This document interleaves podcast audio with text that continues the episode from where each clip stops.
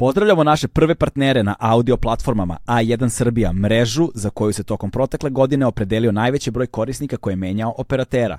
A1 ima najbolji odnos prenetih brojeva u i iz mreže, a time i rast broja korisnika prema ovoj kategoriji, blizu 10.000. Jasno nam je i zašto.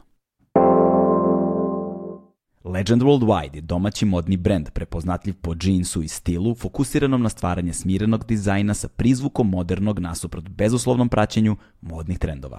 E sada, da pređem na svoje goste danas. Današnji gosti su mi radijski duo koji zajedno radi već mnogo godina unazad, dakle zvanično, odnosno nezvanično negde od 93. godine zajedno rade, što znači da sledeće godine 30 godina njihovog zajedničkog rada, s time da je to bilo na prekide, da su se okupljali, sastajali, okupljali, promenili su gomilu radiostanica od, uh, jedan on je bio na Golf radiju, drugi je bio na 92 dvojici, pa su bili zajedno na Laguni, pa su otišli sa Lagune, pa sada imaju internet radio koji nosi naziv ob, neob, odnosno obavezno, neobavezno ovaj, sa uh, Brakusom i Banjcem, tako da su sa mnom Brakus i Banjac. Današnjoj epizodi razgovarat ćemo ne samo o radiju, internet radiju, radiju, već u celokupnom medijskom ekosistemu i svemu onome što čemu inače volim da razgovaram sa svojim dragim kolegama i prijateljima iz medijske a, scene. To je to. Dakle, Igor a, Brakus i Banjac su naši sledeći gosti. Ob, ne ob, uživajte.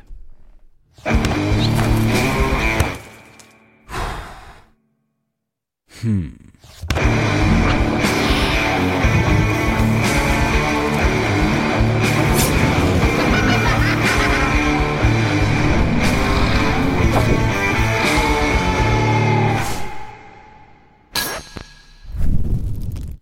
moramo da nabavimo uh, ono dugme za kašljanje. Aha, da. Ko prekida program. Šta nema? Pa nema, iskašljivač. Ono iskašljivač, da, tako je, da, da. iskašljivač, iskašljivač. E, morao sam, sad kad ste pomenuli, inače ne bi. Znam, je to, znači samo do, dole i ništa ne, ne smetiš Kod mene ima, da, ono dogme prekid programa, to iskašivač u Eurosportu. Ili ima? Ma. I pa to, ono, na kutiji. To, to, to, nije, to nije nešto skupo, brate. To, ja. Naš. ja se nikada nisam zakašljao u ovim live programima. Do danas. Do malo pre. Yes. I sad dva puta. Pa. E, pa ljudi, dobrodošli. Hvala. Hvala, bolje te našli. Ove, ovaj, A, da, vi, da. vi sad samo nastavljate gde ste stali zapravo.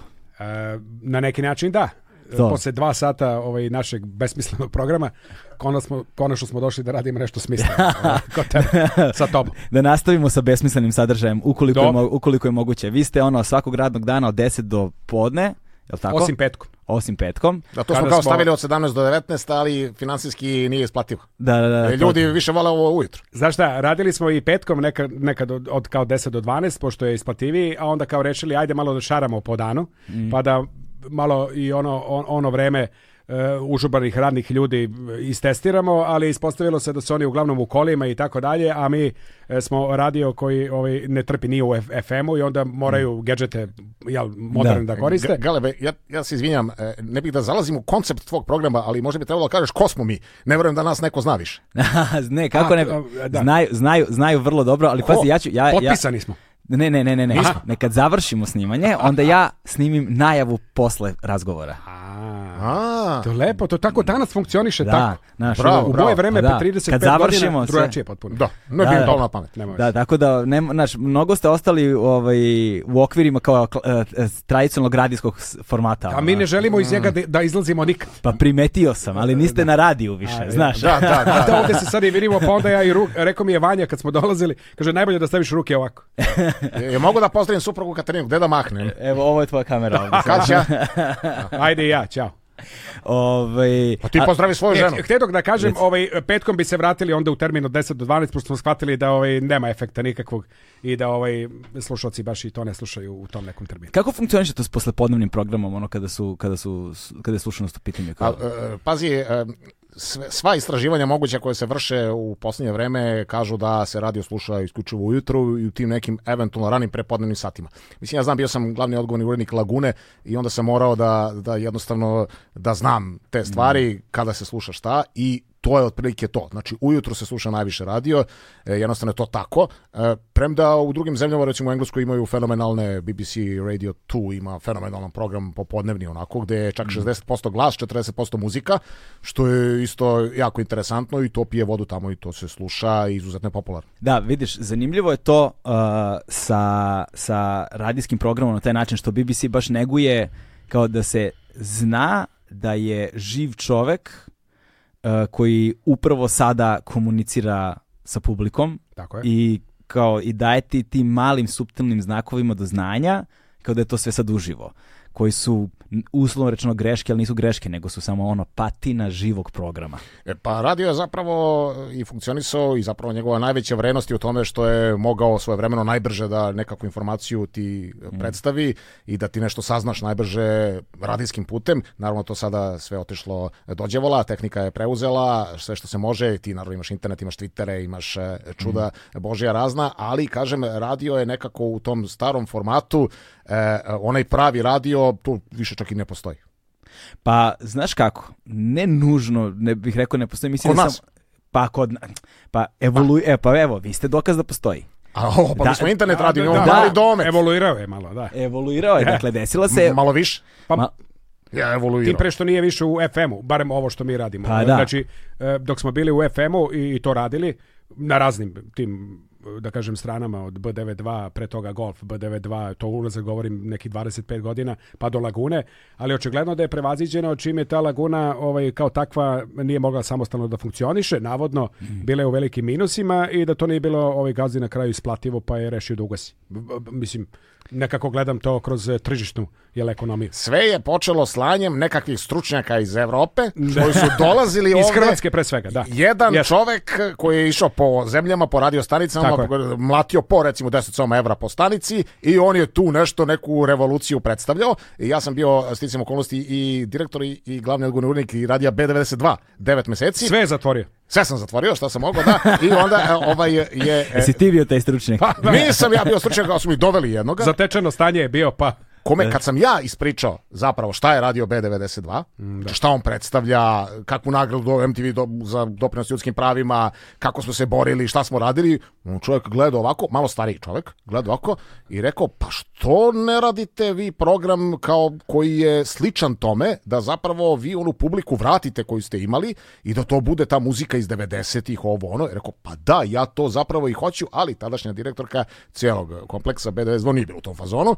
ona je pitala što nema Vlade Georgijeva u playlisti. I tako. Da, znači, da. to je bilo prilike i, i, i zapravo se sve vreme e, se vodila ta priča o tome da će e, ta takva vrsta 92-ke da bude ćao, što mm. se mhm. i dogodilo, jer, e, jer nije komercijalna, jer to treba naplatiti reklame, bla, bla, bla, bla, bla i naravno ukinuli su na kraju 92-ku i napravili Play radio koji, eto, znamo, postoji danas.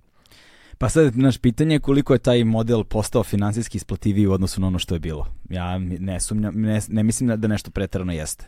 I pitanje je koje su slušanosti radio stanica, pošto mislim da je to sve otišlo do djevola. Ali znaš šta je cilj zapravo? Cilj nije bio možda i toliko u toj e, nekoj komercijalizaciji koliko da se ubije nekakav stav. E, pa to je znači, druga to stvar, je, da. To je osnova bila e, cele te akcije, a to je da ne postoje nikakav e, otvoreni stav, dakle, bilo čiji u etru i da zapravo ti slušaš, kako neko kaže, koliko koliko je sati, da je vreme lepo ili nije lepo i kolika je temperatura. Da. I na to se svodi zapravo posao radiovoditelja. E, da, ono što što Brak i ja pokušavamo da radimo ovaj kod nas, a to smo na neki način ovaj počeli svim zajedničkim projektima unazad tih tih godina E, ja sam nekako posle te 92. i ukidanje 92. u potpunosti počeo, odnosno tačnije e, e, sam ukinuo radio u svom životu. Znači nisam slušao ništa. Kad si ukinuo radio? Pa, znači to je neka 2002. 2003. A, a priori, posle, da. Aps, no, apsolutno me posle 92. i ukidanja tog, tog programa, formatiranja, nije više zanimalo da pratim niti da slušam razne radio stanice koje su se međuvremeno pojavile, osim u automobilu,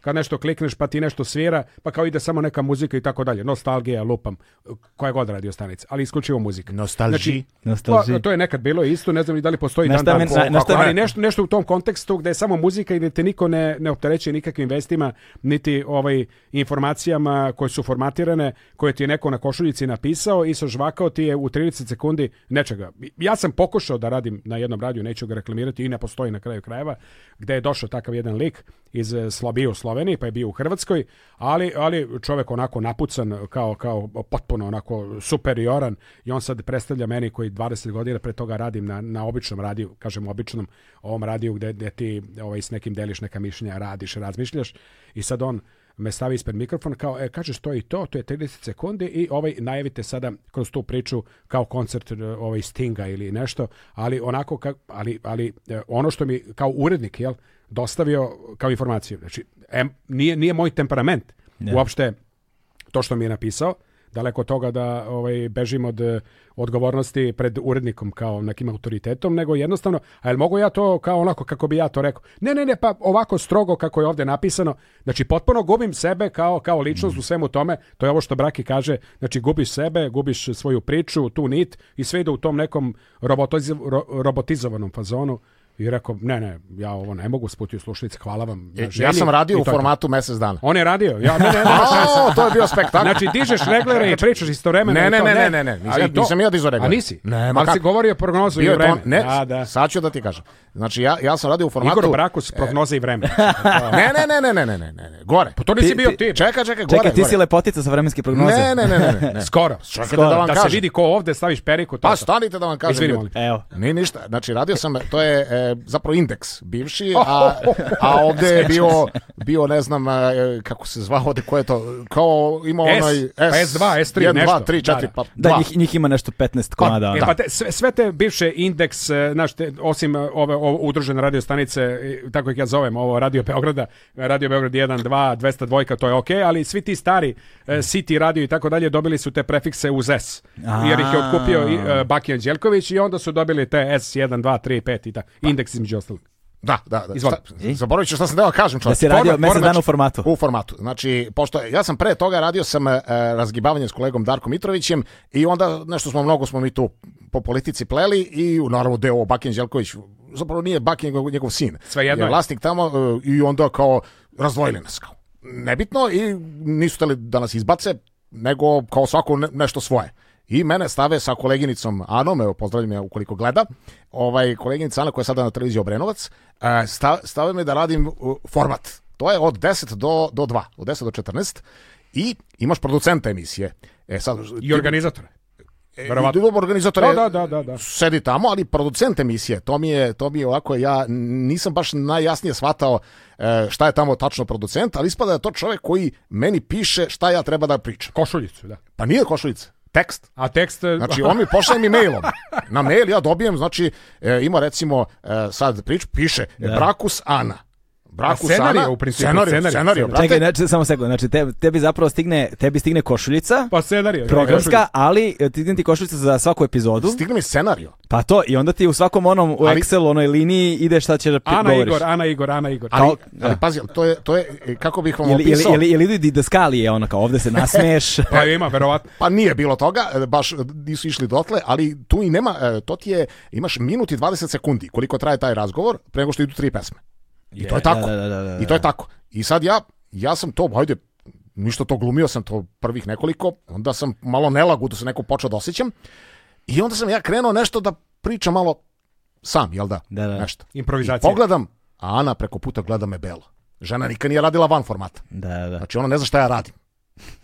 i ne znaš šta ćeš da izgovoriš. Pre toga je e, radila sa mnom na da televiziji, se pa je došla onda s njim radio, mogu da zamislim. Ovaj. Ja sam morao, morao sam to, nisam leba da jedem, morao sam kao da radi mesec dana, ali onda sam e, srećno dobio upalo prostate, e, koja ovaj, bila od, pošto je bio decembra mesec, pa sam išao autobusom, sam išao tamo, to je onaj filmski grad Košenjak, pa sam sedao na hladnom i onda sam srećno dobio upalo prostate i onda sam bio odsutan mesec dana i onda, ćao i onda doviđenja. Pazi, a koja je to glupost, čoveče? Koliko je to neverovatno? Upala prostat, jeste. Da, da, da, da I, i, ali taj, ali to... Ja, jesi bio na pregledu nekad da te zavuku? Ne, ne, Nisam nikada bio. A ne, ne, ne, ne mogu da te opišem ako želiš. Mislim. Može, opisi mi, molim te. Dobro, pa ne, na, malo skineš ovo, da? nagneš se i onda od pozadi, ovaj, sad zavisi kakva je, da li je muškarac, da li je žensko. Ko je Igore, dok... osjetit ćete hladno.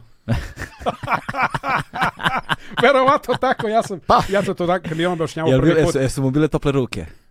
ovom prvom doktoru da, ovom drugom doktoru ok. Njemu se svidjela pa išao drugi Doktorka put. Doktorka je ova posljednja što... Treći put. Tri, da, tri put. A tri, tri puta. do sada, ali imaću i dalje. Pa to, znaš, da. posle, posle 40. sam čuo da se to preporučuje da. apsolutno da, svima. Da, Top, kao, generalni, preporučujem. Kao generalni remont, pogotovo muškarci. Da, to. E, vidiš, e, da se e, to, je, sad... to, je, to je nešto što bi ja trebalo zapravo sad da počnem polako da praktikujem tak, pregled, kao pregled. Aha. Dobro, ja ne znam to da uradim. da, aj hladne su ti ruke kao. ja imam preko, malo sam i stariji od brake, ali nisam. Evo, ali pre, preporučujem ako on preporučuje. Ovaj, što se radija tiče onog starog radija, ajde da kažemo, pa se vraćamo u FM unazad, e, apropo tog vremena koje Braki pominje, dakle imamo minut i po ili minut i dvadeset, e, sve se nekako e, svelo na to ide muzika, e, priča je bukvalno minut, minut dvadeset, a posle toga ide blok reklama od do 7-8 minuta, da. što te apsolutno raznese ovaj, kada je radio pitanju i neslušljivi u tom kontekstu. Jer ljudi žele brzi novac da zarade, e, apropo tih reklama, i onda tu radio gubi smisao, rekao bih. Ali nije Ako idemo tako u svetu, nije. Ali nije. Ali, nije, ali, ali, govorni radio postoji svet još uvek je drugačije koncipiran i novac dolazi e, e, ovaj, sa drugih strana i novca ima u principu više, jel? Bogati su, ovaj, e, društva su bogatija i verovatno, odnosno sigurno, ali postoji kultura slušanja radija. I kultura slušanja radi, radi. E, nekada, e, apropo toga, ovaj, baš vremena, postojali su semafori. Ne znam da li si ti ikada ovaj, video Znači semafor, crveno, semafor, žuto zeleno. Semafor sam video, sem semafor. Ali radijski semafor. radijski. Znači radijski govorni aj, semafor aj. koji e, e, nekome ko mnogo priča poput mene e, se postavi i kaže sada, ok, vi radite vaš program. Smiljane, ne znam da li si primetio, ali Galeb ne može od tebe dođe do reči. E, upravo to, evo, da on sad ima semafor. Ne, sada bi semafor već bio... Ja se izvinjavam u njegovu. Ne, ne, to je dobro, to je dobro, to je, to je dobra stvar. Semafor ide od pozadi, ide zeleno, ti pričaš žuto se upali, to ti je dao ovaj signal da imaš, pa bukvalno da imaš 40 sekundi. Kad se upali crveno, ti si out. Da. Znači, isključite program i kreće sljedeća priča, sljedeća muzika ili blok reklama. Znači, dešavalo se i to ovaj, meni u toj nekim početnim fazama ovaj, da se upali semafor, da mi se upali dva puta crveno. Ima toga. Pazi, bila... ali to je, o, zato imamo ovakve formate koji su otvoreni i možemo pričamo do sutra. I šta god. Da. I šta god, tako je. Znači, potpuno, potpuno nezavi, nezavisnost, uh, potpuno sloboda i ono, naš, i nemamo ograničeno trajanje, ne uklopamo se ni format, nikakvu uređivačku politiku, da. mada su uređivačke politike postale zapravo u tom trenutku monetarne politike, nije više bilo urednika koji mogu da uređuje program, nego ti e, da. dobiješ, da. ti dobiješ ono, kako se to zove, kao ono e, kao šablon, razumeš pa preslikaš samo i to je to. Ja se sećam ja sam radio u to vreme uh, pa to je od 2005. 6. recimo, tamo 2007. to počelo da dolazi na televizije i recimo ja sam radio na MTV-u tada i sećam se da nam je došao neki MTV Networks International, mi sedimo tamo u Ljubljani, tada je još uvek bila Slovenija centrala i jedan dan nam najavlju, dolazi vam iz centrale, iz Londona, dolazi nam neki Izraelac da nam održi neku obuku. I on dolazi, da, da. da i on dolazi sa Izraelci onako, poznati po Da, da, poznati po da, da, obukama, da, da. I ovaj dolazi on uh, dolazi, dolazi, dolazi čovek, okuplja na sve, sve zaposlene okupi i kaže, ovaj, sada ćete proći kroz obuku ne, jednog programa i otvara nam onako jedan program, znaš, kao demo, demonstracija programa koji se zove Music Scheduler. A, tako ja, se, ja, ja, tako, tako, ko, na radiju, da. E, to, Music Scheduler i onda nas uči kako da uh, bojimo i selektujemo pesme. I to je to, je to, znaš, kao ova ti je uh, eh, A1 crvena rotacija, B2 žuta rotacija, C3 zelena rotacija i onda ti kada pesme po, potrpaš u te ono boje i te oznake, onda program to sam automatski Aha. sve radi. Kao play, play, odradi sve automatski pa radi sam, program. Da. I gađe i gađe pretpostavljam i, i ritam, ono kao bitažu i Ma ne, ma ne, ne, ma ne, pa to su to je to je televizor, su vrte muzički spotovi, razumiješ? Da, da, I da. onda ono ide u A1 crvenu rotaciju, staviš Beyoncé i samo ovako ono 70% dana jedan isti spot se vrti u krug i ti ono čekaj, ovo će se kao ceo dan da ide ovako, tako ceo dan. Jer kao oh. ljudi odlaze sa posla, vraćaju se s posla, Aha. deca dolaze iz škole, idu u školu, da. ovo ja. su domaćice, ovo su ovi, ovo su oni, znaš, pa svako po dva puta da vidi, razumeš? ja sam bio u fazonu, ovo je bio, to, ne, svima je bilo jasno da je to početak kraja. Kao kad se moja smena svela na to da ja sad sedim, odjednom sedim za stolom i popunjavam ono košuljicu, razumeš, tri sata i to je to napravili smo program za sedam dana i posle toga kao ništa. Znači, i kad, kada, kada sam počeo da dolazim na posao i da ono, refreshujem Facebook, razumeš, 20 puta dnevno zato što ne znam šta da radim, bilo mi je samo ja, bilo mi je jasno da je pitanje trenutka kada će da me otpuste, ono. Znači, da, da, da je moja egzistencija postala potpuno suvišna u, u tom ekosistemu. A kad si ti krenuo uopšte s ovim što ti radiš, mislim, te ovo gleda milioni ljudi, ja sam to išao da vidim ono kao brate, ono rekao, malo sam se uplašio, znaš, mislim, nije ovo, nis, nisam stigao da se obučem kako treba, znaš, mislim, odličan, realno. Odličan si, ne brini. Pa, ne, ovo je njegova, ovo je uniforma, ovo je radno. Da, ovo je radna. Ovo je džemper koji Svaki put kad te vidim to imaš. Da, da, da, da. Da, da, dobro, dobro. I kad ste se videli, ono kad smo se sreli da, pre neki dan, isto Da. Tako da meni, to, to me zanima, kad si ti krenuo. vredi, ne želi da menja, ne. o tome se radi. Kad si ti krenuo to, to, to mi je ovaj... Ja sam... Ima već dugo to traje. Pa evo, prvu, prvu epizodu smo napravili uh, decembar... Pokušam 2000... da prebacim kao da ovo naša emisija. Da, da, da. A onda je on gost. Ja da, da. Decembar 2019. Skoro 160 odradio, ja mislim, jel da? Ne znam, nemam pojma, 120 i nešto. A ja Brat. 120. Da, da, da, da, da. To, to, to nema veze, sve to u redu. Ali je bila ideja da krenemo i da ide jedna nedeljno bez pauza. Nemamo letnje pauze, nemamo zimske pauze, nemamo praznike, nemamo ništa. Svake nedelje, 52 nedelje u godini, 52 epizode. A1 je prvi prijatelj audio izdanja Agelast podcasta. A el planiraš unapred ovaj, eh, kad, kad si gosta želiš nekoga, jel planer, pa ne da nešto pre... teme ili nešto? Pa ili ne tako? nešto preterano, ne. ne nešto preterano, ali, kao uvek, mi, kao ali uvek gledam, da, tako isto, isto, znaš, ali gledam da imamo barem ono 2 3 4 ako mogu epizode unapred, jer to me COVID naučio, znaš, kad, a, kad da. su krenuli a, da. lockdown i sranja. Što je neko bolestan ovde? a, e, ja mislim da... Onda imaš u arhivi lepo, pa ja se emituje i ja kada mislim, programa ja, nema. Ja nisam fasovo COVID, ti si fasovo, Boja se, ti si imao, jesi ti imao COVID, Aki, a? Ja ne, ne, ja sam ko, ja sam ko astronaut. Ja sam imao. Ti si imao, a ti? Ja, ne, Mask me zove na sledeću ovaj, or, ovu stanicu, dakle da, da budem putnik. Zato što sam jedini na svetu vratu koji nije preležao E čekaj, koliko ste, uh, na, koliko vas dvojice radite zajedno? čitav, čitav, e, znaš kako je to krenulo? Vrlo interesantno, e, da, upoznavanje to, naše da. interesantno. On je malo mlađi od mene pa se ne seća ja, da ja sam kao poznati radio voditelj bio slušalac njihove emisije Bog na Golf radiju. Koji se da. igrom slučaja zove... Čekaj, e, ko, naš... o kojoj godini govorimo? Pošto govorimo, govorimo o, o 96. i recimo 97.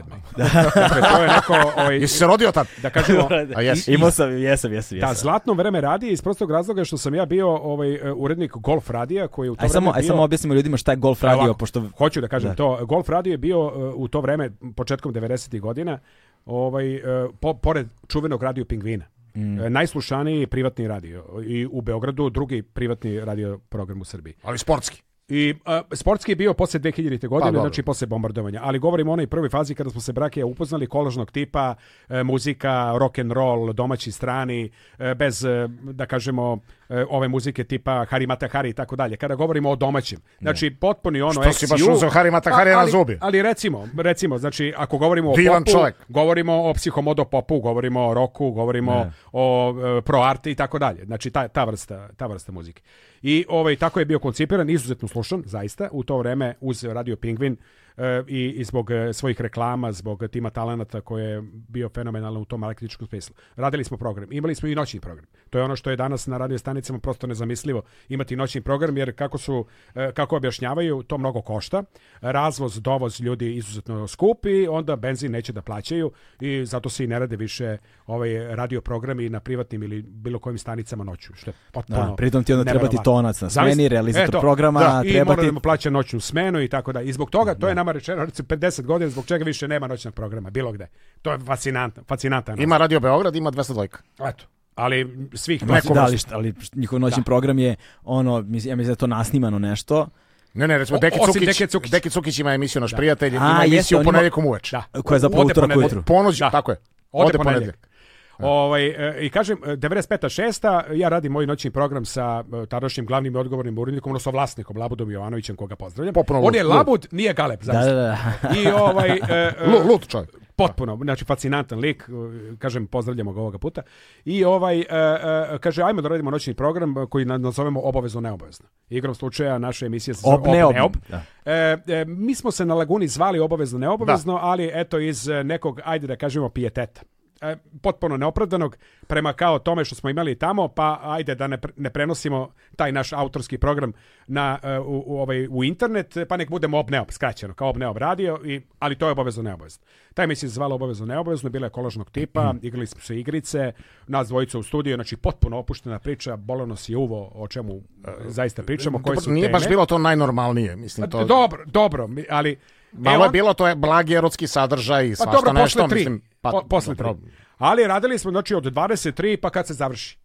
Znači nije da. bilo fiksno određeno ovaj vreme za završavamo. Ja, ja sam radio džabe. Se, da, on je pro bono radio. Ja vrlo redko, dakle dve stvari u životu sam radio džabe, tu emisiju i ovo gostovanje kod tebe sad. Da. da. Znači, da, dakle, potpuno neverovatno da, da sam radio džabe, to je meni bilo kao psihički... E, dobijali smo ono, 20 da maraka, dobijali smo 20 maraka za taksi od Labuda, svaki put četvrtkom. A pa do, nisam, na, ja to sam ne radio računam. za platu, pošto sam bio Aha, urednik. znači, ja. koje uzmu 20 maraka. A ja sam slušala. Ja sam dobio 20 maraka od njega i onda platim taksi tamo i nazad, za nas dvojicu. E, blizu smo živeli, mislim, ja i dalje tu majke Vrosime do duše, a on je živeo u George Washington, znači blizu. Da. E, elem, taj koncept programa je bio takav da se uključuju slušalci čitave noći, igraju se igrice, delimo nagrade i tako dalje, pijemo skivi, ne, mislim mi u studiju.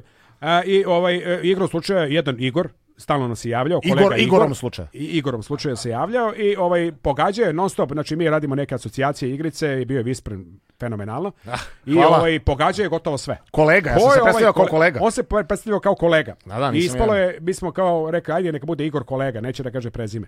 Igor kolega, kolega mu je prezime. Kao, ne? Da. Igor kolega nas se javlja i ljudi su počeli masovno da slušaju zbog tog Igora kolege, između ostalog. I rešimo Labodija, ja, na kraju krajeva, ajde tog Igora kolegu mi da pozovemo kao u naš program. I on kao ja stupimo u kontakt nas dvojica. Nisam ga poznao stvarno. I ovaj, tek kad sam shvatio da je to Igor Brako sa 92-ke, kada je došao prvi put, znači i od tada on je rekao, dobro, doću, kao ajde da odradimo to, nema problema da budem kao gost i kao da se demistifikuje, jel? I došao je tada i ostao posle, evo, već. Čekaj, ali znaš što je meni neverovatno? To je to. Znaš što je meni neverovatno? Kako u trenutku kada, si, kada, kada je zvao, nisi prepoznavao njegov glas. Pa nisam pratio ja ovaj te Nije pratio moj rad ili Aha. njegov rad. Pošto ovaj, pošto jedan od naj, video. pošto tvoj glas je jedan od najprepoznatljivijih radijskih da, vokala. ali ali to je to je bilo vreme kada smo da. počinjali. Ja sam počinjao, on je na neki da. način malo malo pre mene počinjao i e, nekako nisam obraćao pažnju. Bilo pa da, ja sam od 92. da. Tako je. Čekaj, Bile... je Zeka bio na golfu isto, ne? Zeka je bio e... na 063 Zeka milionera. Da, da, Zeka milionera. Da. Sa Dekijem Košaninom i ekipom, to je moja ekipa sa BK, mislim da su oni radili E, pre radio koji je imao tada BK koji je bio ne, 063 da. radio ili tako, ali možda i pre toga da. neki radio, možda Pingvin. Ili su oni, oni su, ili na Pingvinu su možda baš bili. Možda, da, možda, možda je Pingvin. Da Pričam ja sam zaboravio. Ali da, i meni je pričao jer smo i radili na kraju krajeva na BK zajedno, ovaj i Deki Košanin i ekipa, ovaj, i dan, dan danas se viđemo, imaju oni radi iskustva takođe. E, odatle počeo, naši neka 96. Ja, ja, nije se prekidao. Ja, vidiš, to je zanimljiv fenomen. To je, to je, čini mi se, postao skoro isključivo radijski fenomen, radijski voditeljski parovi. U tom kontekstu znači, su, su, obično ljudi koji dugo godina... Pa a nismo godina, gevi, znaš. Da, nema mislim, vezi. nismo u, I da jeste i da šta fakt, ali, znaš. E, mislim, e, ovaj, da. ali godinama... Uh, e, Smiki, zašto tako? Pa dobro, prvi put smo ovde u gostima. Ovaj, se ispostavlja da, a, da, da opstaju nekako, kad se potrefi dobar radijski, radijski, radijski par, da opstaju godinama zajedno da naprave neku dobru dinamiku, upoznaju se dobro i nekako preguravaju šta god da im ono naleti, na, naleti. Znači i Gorica i Dragan su preživeli silne godine i evo Daško i Mlađa koje slušam redovno, da, vas da. dvojica takođe. I ovi svi novi vojiteljski parovi koji su napravili, poput recimo na Radio Play Une i ekipe naše, znači, ono, opstaju, nije da ne opstaju, znaš, bez obzira na to šta se dešava. Ali je potpuno bez veze to uh, sad kad, posl- kad uporediš taj radio koji je bio ta 90 taj noćni program posebno. Tako sam ja recimo počeo da radim podcast, jer meni je, kad sam podcaste prvi put čuo, prvo sam čuo zapravo ove igrane, dokumentarne forme, ono true crime kao to i tako dalje, koji su mhm. bili fascinanti, fenomenalni su bili, ali meni to kad sam, uživo sam da ih slušam, ali nisam ni pomišljao da radim nešto, jer je to već zvučalo previše komplikovano. Znaš, treba napisati scenarij, treba naći priču, istražiti priču, pa onda posle celog istraživanja napisati scenario, pa onda to adaptirati, podraditi te uloge, pa onda to sve nasnimati, nahovati, pa arhive, da, da, pa dozvole. To posle. Reče čovjek koji je posle radio Vice, ono onoliko, ono da, nema, ali, da, e, ali da, ali to je, ali to je video dokumentarizam, to je drugačija stvar od, da. od, od A, ovoga. Ovdje neko te, mislim, teško. Čak znaš šta, ovdje, jer, ovdje, jer, ovdje, jer, ovdje, jer ovde praviš i celu zvučnu sliku i, znaš, aha, ono, svašta aha, nešto drugačije drugačije je da. totalno ovde kombinacija igranog i dokumentarnog i ti to treba nekako da pretvoriš da kroz audio iskustvo dobiješ sve. I ovaj i to je delovalo meni prekomplikovano i uvek kad slušaš na kraju BBC i ovo i ono kad slušaš na kraju a, kao ko je sve realizovao taj sadržaj, pre to je lista ljudi, ono, da, da. znaš, nemo da se zajebavamo dok nisam počeo da viđam ove podkastere koji su to, znaš, kao ja ovo sad što radim, na primjer je to rađeno po uzoru na takve stvari, gde kada su oni počeli tako, tako neobavezno da se zebavaju i da pričaju, to, me, to je nosilo sa sobom taj duh tog noćnog radija tog večernjeg programa, znaš, koji je bio posebno kad imaju ono uključenja, mislim, uključenja su sada redkost, to se obično čitaju poruke, ljudi se na lajvu četuju i dopisuju, ali to, ta histerija, taj haos, ta zajebancija, ta sloboda, ono, taj ono bol, razumeš, u dupetu, da kažem. da, ali da, on, da. ono što ti nisi zakačio, evo, da. kad govorimo o tom noćnom programu tog tipa, tog starinskog, ajde, e, noćni program u kome mi imamo i dalje ovaj tepove, magnetofone i ono kao puštamo muziku i reklame sa, sa magnetofona, a onda moj kolega, odnosno tonac, e, Deki ovaj, Rađenović, koji je radio ovaj, kao tonac program, jel, za miksetom, e, koji ovaj na, na liniji drži, znači, tri reglera, gde su tri linije telefonske odnosno jedan telefon, ali tri lajna i sad ne. uključujemo slušalce i tako se oni igraju sa nama. Znači, čuješ onaj zvuk, e, ne, ne, znači nije to e, e, kao naša Viber, ova Viber komjuna, pa sad mi čitamo poruke odatle, nego uključiti se neko živo, koliko, mislim, na kraju krajeva Olje Bečković da, da, da, prevaziđeno izgleda, ali uključiti se neko putem telefona, pravog Znaš, telefona da. u program. Pa ja sam to I radio, to je, ja e, sam bio taj koji se uključivao zamisli. u noćni program, ali je, ali je bio problem dobiti čoveče. Pa tako je. Zauzete, linije non stop, non -stop. Je boter, Pa mi smo ono svoje vremeno je bio onaj pager, Bell Paget i mi smo, yeah. imali, mi smo, mi smo probili neku, neki rekord e, 7, Bell ja se dobro da. sećam, 747 poruka za, za noć, za 4 sata programa, te obavezno, neobavezno, pojavili su tek Bell Paget pageri i mi smo dobili pager golf od Bell Paget, tako se zvao. I onda ovaj e, probijemo mi redovno svakog četvrtka, sad je došlo dotle da mi Bell Pagetu bi trebalo da najavimo da li imamo emisiju. I meni je bilo sad više glupo da najavljam nekom, mislim, ali mi svaku četvrtka imamo emisiju da tog dana ja sad imam obavezu da zovem Belpađet tamo nekog menadžera i da kažemo večeras golf ima program od 23. Vi to ukalkulišite pa pojačajte operatere. Signal, da, da. Ne, ne, operatere vaše koji će nas koji će uključivati slušaoce preko Belpađeta ko nas u program. Znači to je neka pretečaj da kažemo Viber. I ovaj i kažu oni Dobro, A. Da. dobro, stavit ćemo još tri operatera više, znači operator Višnja, Čekaj, Tanja i tako. Čekaj, što su operateri tad radili? Meni to nije... A pa ono nešto, znači, uh, znači, znači ja... E, čovek okrene Belpa Jet, tamo ne znam tačno koji je broj bio, i kaže za Pager Golf to i to. Znači, rešenje A kolone je košnica i ona ukucava rešenja ako znači ono ima ono Madonu rešenje ako kočnica hvala e, e, Violeta Bell budget Violeta ovde izvolite taj fazon onda ti kažeš e, od kuće za golf za pager golf pager golf ona ukucava brzo delo je znači, malo starinski delo je starinski znači rešenje ako se idemo asocijacije razume četiri kolone č... rešenje ako kolone je to kočnica rešenje ako kolone je kočnica hvala vam Boba nešto i ona tako zamislite te ljude te ljude tamo zamislite, koji su radili koji se javljaju koji to njima pakao bio i oni kažu da zbog toga I kaže, mi smo pojačali duplo naš noći rad četvrtkom. ja kažem, pa dobro, to znači da golf radio, odnosno emisija obavezno nema zapošljava mlade ljude. Utiče na zapošljenje i produktivnost vaš. Pa na neki način da. I onda smo mi kao, eto, mi zapošljavamo mlade, utičemo i tako. Znači, dobili smo i taj neki vibe potpuno, potpuno drugačije, ali 747, to je bilo u to vreme, znači ako oni dobijaju maksimum 150 poruka, da, da li je onaj na stand-by u treći koji bi trebalo tu noć da dođe. da, Od da. nas 747, zapamtio sam po Boeingu 747, pošto sam fa avionima bio od uvek, 747, ona nam kaže, uh, da li je Magdalena, čini mi se neko ime na M je bilo, kaže, vi ste oborili rekord svih rekorda Belpa Jeta u Srbiji ikada sa 747 poruka za 3 sata i recimo 58 minuta. Da. A onda kad pogledaš Crkli, e, ljudi. glasanje za Grand Paradu ili koliko već... Et, a zamisli to. Misli, ko je to kraj? Milione šalju poruka da. ljudi da, da, da I, Ili ono izbacivanje iz ovih, ne znam, reality programa. To nisam ovih. nikad pratio. Ali da. kažem, milioni nešto ljudi je glasalo za nekog lika, gasto za lupam, e, da, da, ga, da ostane u kući kao koliko milioni 560... Mislim, to je na svetskom nivou, ajde, verovatno, nije samo Srbija.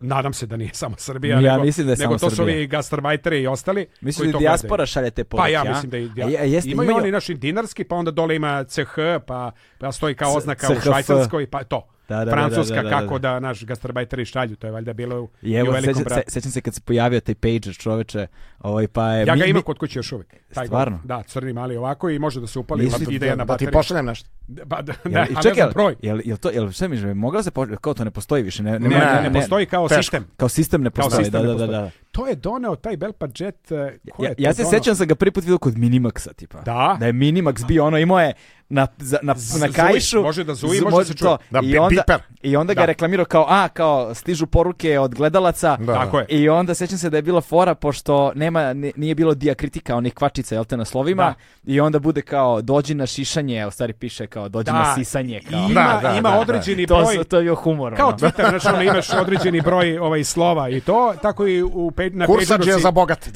Na, pe, na si mogo da pošalješ, ovaj, ako ima display sa ove, znači, velike strane. Koliko li je koštalo slanje poruke na pageru? Pa nije, ne, skromno. Isto, da, pa, s obzirom da smo Ali, koristili kao, ga... Kao da, danas, recimo, 3-4 dinara. Da. Tako nije, nešto, nije, a nije, nije, nije bilo skupo. Ja sećam da to vreme sve što Svi je bilo mobilno koristili. bilo skupo. Da. Sve što je bilo mobilno bilo je skupo. Pager je bio skup, mobilni telefon je bio... Ali bila je jednostavnija... Ali poruka kao, nije bila to. E, a bila je ona skromnija verzija Pagera. Ja sam imao i taj. Koja je e, skromnija e, ovako, verzija? znači... Pa za e, siromašne. E, kao, je imao. Pa ono koji su koristili, Čekaj, recimo... ja ne znam... Sad, sad, znaš ono, doktori u serijama starim, pa ono kao, e, moram skitno da se javim kao naš, e, u hirušku salu, pa kao gleda Pager. E, da, da, da. lekari, hirurzi, ono... E, ali čekaj, zar, ali, zar, ali čekaj, zar, nisu, pager. zar nisu svi Pageri tako izgledali? Nisu. E, imao si... E, pager je komplikovanija, ono kao nagrovana varijanta kandidata za, za gospodu. Kako izgleda ona Pa ovako, znači malo veći. Nisam ja došao ovde da pričamo o istoriji Peđana. malo veći i, na, i sa strane je ovako imao veliki display.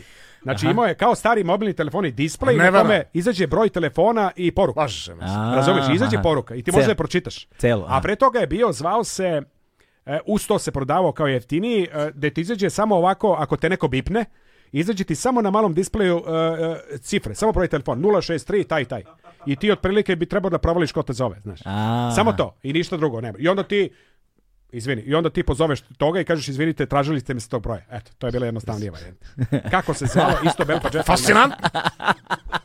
A izvinjam se, crveno svetlo. Ja, ove, ne, ne, nema ovde, nema ovde crvenog nema, svetla crveno, samo. nema inače, Red Bull. Bože me sad. Hvala. Nema ovde crvenog svetla, nemojte ništa da brinete. Ako ga budeš najavljivo, Oduvek sam bio... udara na nos, brat. Ne mogu da kažem ni ovo. E, izvini. Ako ga budeš najavljivo, e, samo po znacima navoda, oduvek sam bio fasciniran avionima. Ne, to, to, to. to stoji. Evo, imam ovde e, maketu starog jata. E, Vidio sam ga. Da, znaš koji je ovo model? Ali ovo je Airbus, čini mi se. Dobre, ne znam ništa. Znam, ali e, ne ide mi nekako od e, motorac e, ovaj mlazni, ma ne, pa, a da pa- nije karavela sa, ne ispod repa, a, ali nema ne ide mi, nema, ne ide mi ovaj model aviona sa jadnom. Fas, pa nije fascinan, u životu nije bio fascinan avion ja, lupeta. Ja ne znam šta je... Ja to ne znam od 93. Ne smo Boeing znamo, 7... nemam pojma da je fascinan avion Boeing 707 Samo da bi nećemo da priča, čovjek. Pa ne moramo ovaj da verujemo. Ima samo dva motora, pa mi ne ide uz ja. Priča o avionima i pejđerima, to je jedno što zna. Ne zna ništa drugo. Ajde nešto, ajde umetnost, ajde ovaj ajde e, ovaj hortikultura, ajde nešto nešto tako da Pa ne možemo ovako. 319 ili ja ne znam, ja ne znam šta je karavela. Kara, nisi, nisam ni ja ne, ne, ne, ne. O i, i o, o takvim, ne, ne bih da pričamo i ni o Karavela je stari Zaista, francuski kar, proizvođač komercijalnih aviona. znamo šta je Karavela. I to je prvi sa, avion u, može, u jatu, jatu ne možemo, Sa Karavelom ne, ne možemo u da. ove sate da no, Mnogo lep avion. To je onaj avion koji kad ideš na aerodroma ide 600, koji odmah sa desne strane piše jat na, na repu. To je Karavela. Njemu je sve u avionima. Njemu je sve u avionima. A vrlo dobro znamo šta je Karavela. Čekaj, njemu je sve u avionima, a u kamionima kakva loša fora. Sam, sam ću sam sam ću da izađem napolje. da ga zovemo u gost. Zbog ovoga ga ne bi zvao u gost. Zovemo, može da. ovaj, e, e, da, to je karavela, da. Ok, i ovaj, kad odlazite sa... Ne, nemoj više pomeneš pager. Neću više, neću da. više, neću više pomenjam pager. Kad odla... 20 minuta. Ni kajdi klum. Kad, kad odlazite sa golfa? Šta se desilo zapravo sa golfom? E, golf se ugasio u ono vreme kada je... Ovaj, ja nisam ni radio na golf. Tadašnji RRA, on je radio, on je dolazio samo četvrtkom na našu emisiju da, i dolazio je vikendom. E, pazi, radili smo do 99. krenulo e, Opet bombardovanje. Pa ne mogu da verujemo. Pa ne, kad se, kad se ugasio, ugasio se 2002. konkretno. Aha. To je ono vreme Nenada Cekića i onog, ne sad RRA, kako je to Zekićka. To je bio, kako se to zvalo tada? Što, RRA, što sa mene pitaš? Jesi sad zove RRA? Radio difuzna agencija. Ratel se zvalo u to vreme. Aha, dobro. Ili, ili nešto, isto imalo, imalo tri slova neka skraćenica. E, tada je Nenad Cekić bio jedan od glavnih i oni su rešili da gase radio stanice privatne mm. po mhm. celoj Srbiji. Pazi, to je vreme demokratije, znači govorimo o nekom post poto, peto oktobarskom vremenu. 2002. Mhm. treći. I vodili smo veliki rat, to je G17 i to sve, ta ekipa između ostalo koji ugasili i BK, e to je ono vreme kada je gašena i televizija i mhm. mnoštvo, stotine radio stanica u Srbiji i mnogi ljudi su ostali stvarno bez posla. Da, Morte da, da. zapošljavao nas desetak, petnaest koji smo bili na papiru zaposleni. Znači, mm. nije, nije Jeste imali bilo... pager? Da. Molim te, brako, I pager, se, braki, braki. I imao sam čak i onaj Ericsson, Ericsson stari onaj mobilni telefon. Kao, da, da, to su bili prvi e, a, e, Ericsson kako, telefoni. Ne, on, se, on, on, se zvao, Sony Ericsson se zvao. I tada. Sony Ericsson posle. ne, ne, bio je Ericsson i Sony. A, Onda su ošli, u, ušli Oj, u fuziju. Nemoj u mobilnim telefonima da ga neću, pišu. Neću, neću, Reci mi, ne... Znači, avioni, mobilni telefoni. I pageri. To... I pageri, nećemo, da, nećemo više o tome. To mi je strast. Ti si, ti si, to u, to vreme, ti si u to vreme bio gde? Na kom radiju? A, Sve vreme da ja? Zvojka. Da. Hvala.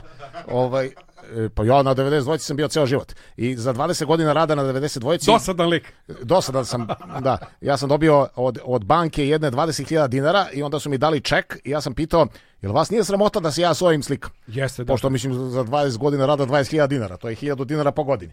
I oni su rekli, ne, ne, ne, samo se vi slikajte. I ja uzeo ček onako i slikao se šta da radim. Ovaj, I to, to je to. To je prejadno bilo, zaista. Zaista prejadno. Za 15 godina sam dobio sat, e, koji se pokvario vrlo brzo. E, onda nisam baš... Koji sat? Sat. Ručni. Koji? A koji je? Sećaš koji? No, nemam pojma, ja ne pratim satove. Nikad ga nije nosio tada. Za razliku od Smiljana koji uh, satovima... Ima... Ja volim satove, Zna, uz znam, ovo da. prethodno. Pe, e, pe, nemoj da... A ja sam pomenuo. Modela aviona i... Da. E, tako da... Skupljam da sam ja ceo život radio zapravo na 90 dvojici taj neki, jel da, celu karijeru tu. Ja sam počeo kao član kružoka Klipani u pudingu. Ovaj, to je jedan interesantan e, humoristički kružok eh, koji su činili momci iz benda Jarboli, e, dakle svi osim Nemanje Bubnjara, a ovi ostali braća Kovač, Daniel Žolt i Boris Mladenović, moj kum. E, mi smo imali tako jedan kružok klipani u pudingu, ja sam bio pridruženi član kružoka a, i zadužen i za radio i za sve ostalo. Mi smo zapravo e, počeli u, kod Darke Radosavljević, e, zaista kultne jedne e, žene koja i sada u galeriju Remont e, je mhm. zapravo glavna tamo. E, ona je imala Urbazonu, svoj projekat na radiju B92 i mi smo kao klipani u pudingu se zapravo pojavili tu, imali 10 minuta u lepom ritmu srca, kao mm. nešto i onda, onda je zapravo e, su nam dali da, da svašta nešto radimo, idemo po e, izložbama, po, po pozorišnim predstavama, Srđan Anđelić nam je dao kao on je bio urednik toga, da kao mi se ja, s tih izložba javljamo pa nešto, a to je bilo sad, mi pljuvali smo sve i svašta. Onako, uglavnom smo pljuvali jer... E, velika istorija pljuvanja. Velika istorija Znaš pljuvanja, kako je izgledao da. tada? Isto? Isto, isto. I ovaj e, e, i isti džemper sve. sve. I onda je onda je sticam okolnosti e, Koliko će start taj džemper? Mm, a ne, ovo je a to je relikvija. Ovo je novo. Ovo je, e, pa kao Freddy Krueger, što ne bi ja mogao ovako. da, da. Ovo. Nego je crveni bio, tako nešto. Što, Crveno što kaže želeni. Freddy Krueger, nikada nemojte da prestanete da sanjate. Da. da. To je ovaj... E, e, Inače, inače tu, tu, tu me Milivoje Čalija, tadašnji e, zapravo muzički urednik, e, on čovjek rekao, uje, ovo ima dobar glas, e, mogu bi da radi neke reklame, ja sam tu radio par reklama i onda sam dobio autorsku emisiju, jel da, koja se e, e, zvala Porodični jutarnji vikend magazin samo četvrtkom, išla je utorkom, a onda sam dobio i drugu Porodični jutarnji vikend magazin samo utorkom, išla je četvrtkom. I ja sam tu, ovaj, tu s nekim ljudima nešto tu radio, ja sam ceo ja sam odrastao na Monty Pythonu i meni je to ta vrsta humora mi je jedina i bitna. Ovo u životu ništa drugo ni ne smatram smešnim. E, to jeste veliki problem. Moram da priznam, znači, ja gledam seriju Prijatelji e, ali vidiš... Uh... E, tako gledam otprilike, znači meni ništa, ja, ja sam potpuno perisan, znači ne, ne mogu uopšte ništa, mi ne, recimo prijatelji koji su ljudi, su, vidim da se smeju, vidim ja ne mogu ništa. No, nema veze, e, o, znači ja sam tu počeo da radim to, eto, ovaj, te dve emisije i to je bio taj taj moj početak i tu sam ostao, boga mi 20 godina sve dok eh, nije ukinut. Mm. Ali vidiš... I to, vrlo, vrlo, vrlo. Ali dobili sliku na zidu, znaš ono, kao u predsjednici vlade, Pa on, i e, sad idu one voditelji najpopularniji u 92-ci, tada je bilo donji onaj nivo, uđeš, Kokoruš te pozdravi na vratima. Čekaj, da. koji koji da 92-ci govorim? Govorimo 92-ci ovi sa Novog Beograda no, no, ili na do, Novom Beogradu. Do, Novom Beogradu. Poslednja okay. 92 da, da, da. je bilo u crvenoj zgradi. Čekaj, tu sad nešto ujedinjene nacije, al tako nešto. Tako je, pa to je bila da. iznajmljena zgrada u to vreme. Da, da jeste, jeste. E, to je donji, zgrada, donji, zgrada Narodne banke. Da. Inače. E, teren i u suterenu sada imaš e, najpopularnije e, ovaj sa televizije u to vreme i sa radija. Znači dole ovaj zadnji. Ne, u prizemlju sa televizije, u suterenu da. sa radija. da. I ovaj, brakiva fotka u ovako, pred, pred klozetom. Da, da, da. Ovaj e, e, jeste, to, to, to je ovo poslednji deo, ali mi smo stvarno prošli s, tom, s tom 92-kom sve svašta, znači i sam činjenice. znaš, mm. istorijski ovako i postoje zaista činjenice koje koje su tu da, da tu svačega bilo i da, da mnogo ljudi kvalitetnih je prošlo kroz to, mnogi nisu više sa nama, to je stvarno šteta e, e, i jednostavno ja imam tu da neki osjećaj nostalgije za tim vremenima i jedino veću nostalgiju imam za vremenima u kojima nisam živeo. Znači, recimo 60. godine, mislim da bi tu bio, bio bi super tu i, i, i jedno što bi sad već bio mrtav, ali to možda nije baš najbolje. No, no kažem, e, ono vreme 92. i to šta se sve dešavalo, i ta neka uzbuđenja koje su tu bila i borba protiv režima i ovo i ono i nešto tu svašta nekakvu vrsta zajedništva koja je tu postojala, meni to bilo super ali to je realno vremenom krenulo da bledi, da nestaje i završilo se krahom. Zapravo bih ja možda i dalje bio na B92 da sam pristao na to da mi se posao radio voditelja zameni poslom televizijskog voditelja gde bi sa Nikolinom Pišek vodio nekakav zabavni program. Bulevar. Bulevar. Bulevar, bulevar. To su mi bili ponudili. Ja sam rekao, pa ja ne bih to. Onda ništa, gospodine Brakus. I ja mislim da sam jedan od redkih koji je bez otpremnine napustio to radno mesto, znači meni nisu dali ništa. Ali mi je advokat savjetovao kako da, da tri plate da uzmem. Jesi uzao tri plate? Jesam. E, e, čak firma e, kao, kao Ali 20 godina sam rad, 20 da, godina star. Čak ni firma nije savjetovala, bar ti fini ljudi koji tamo u resursima, bar mislio kao da brinu o tebi. Ne, ne, ne, da ti kažu, da oni, da rade kažu, za, oni rade za gazdu. A oni rade u stvari za gazdu. Da ti barem kažu na koji način možeš da dođeš do barem tri plate. Ne, oni se naprave blesavi ako si uzao advokata. Pa znaš kako, njima, upravljanje, njima gore. upravljanje ljudskim resursima. Dakle, vi ste resursi. Da. Vi niste, naši, vi, ste, pa vi, ste, da. vi, ste, resursi, to jest vi samo ljudska verzija resursa i onda oni se bave upravljanjem ljudskim Resurs. resursima. Tako da e, njihov interes u naslovu im stoji. Naš, u nazivu im stoji da njihovi, ne, ne, ne bave se oni ljudskim pravima, e, da, da, da, nego da. ljudskim resursima. Previše smo očekivali od ljudskih resursa. Najbolje vreme je bilo kada je došao Grk, financijski direktor. U, I ja to, treba to. Da. njemu da tražim 3000 evra koje mi duguju za ninja ratnike što sam prenosio ore, ore, jo, one ninja nesrećne ratnici, one. Ninja, to pratio? N, e, pa ne. E, Makedonija! Vlada, Vlada Đorđević i ja ovaj, smo prenosili, e, a, a pre toga sam taj... sa Kokijem. A Kokija su oterali da. jer je se javila jedna žena, tako mi je objasnio uh, direktor zabavnog programa tada Igor Stojmenov, javila se žena koja je rekla Ovaj Bosanac, šta on priča, ništa ga ne razumem. I onda su skinuli Kokija i onda sam radio sa, Pazi, sa Vladom Đorđevićem. bilo problematična izjava zaista, ali uvažena. I treba ja da odem kod Grka, finanskog direktora, bez čijeg Amina ne može, ne može dobiješ da ništa. Da. Niko ne može dobiti. Da ali taj isti se koji je zamenio Kokija, a koga si pomenuo da je radio s tobom Niđa Ratnike. Vlado Đorđević. On je pristao da radi bulevar sa Nikolinom Pišnjaka, ti si dobio otkaz. A pa da, dobro. E pa, ali mislim, pa kažem, dobro, svako radi svoje. I ja ovaj... E, e, Zašto je on mogao, a ti ne? Da. E, odem, idem, ja, idem kod finansijskog direktora da tražim moji 3000 evra što mi duguju. I sad, sad onako ko... Ja sam samo banuo, jer tad se na 92 uđeš uđeš, brate, ono kao kod Verona Matića, bro, kao potpuno besmisleno, mislim, kakav Vera Matić, ono, kao... E, ni, ni, ni, ni zatvarao... Ma nije, ništa. Znaš, brat. ovo ovo ja, kao, gde je finanski direktor ovde? Kuc, kuc, otvori vrata. Ovo ovaj me gleda, who are you? Kažem, I'm Brakus. Kaže, what? I'm Bracus. I'm a, a, picture downstairs. a, program Ninja Warriors. Ninja what? John ne zna ništa. Znači, ne. tu došao, postavio za pare, ovo ono. Je rekao, I want my money. You want your money. A za njega su inače govorili da je, da je brutalan. Da, da. Lik. Yes, I want my money. I, I work on TV program Ninja Warriors. Give me my money. Uh, you owe me 3000 euros. Really?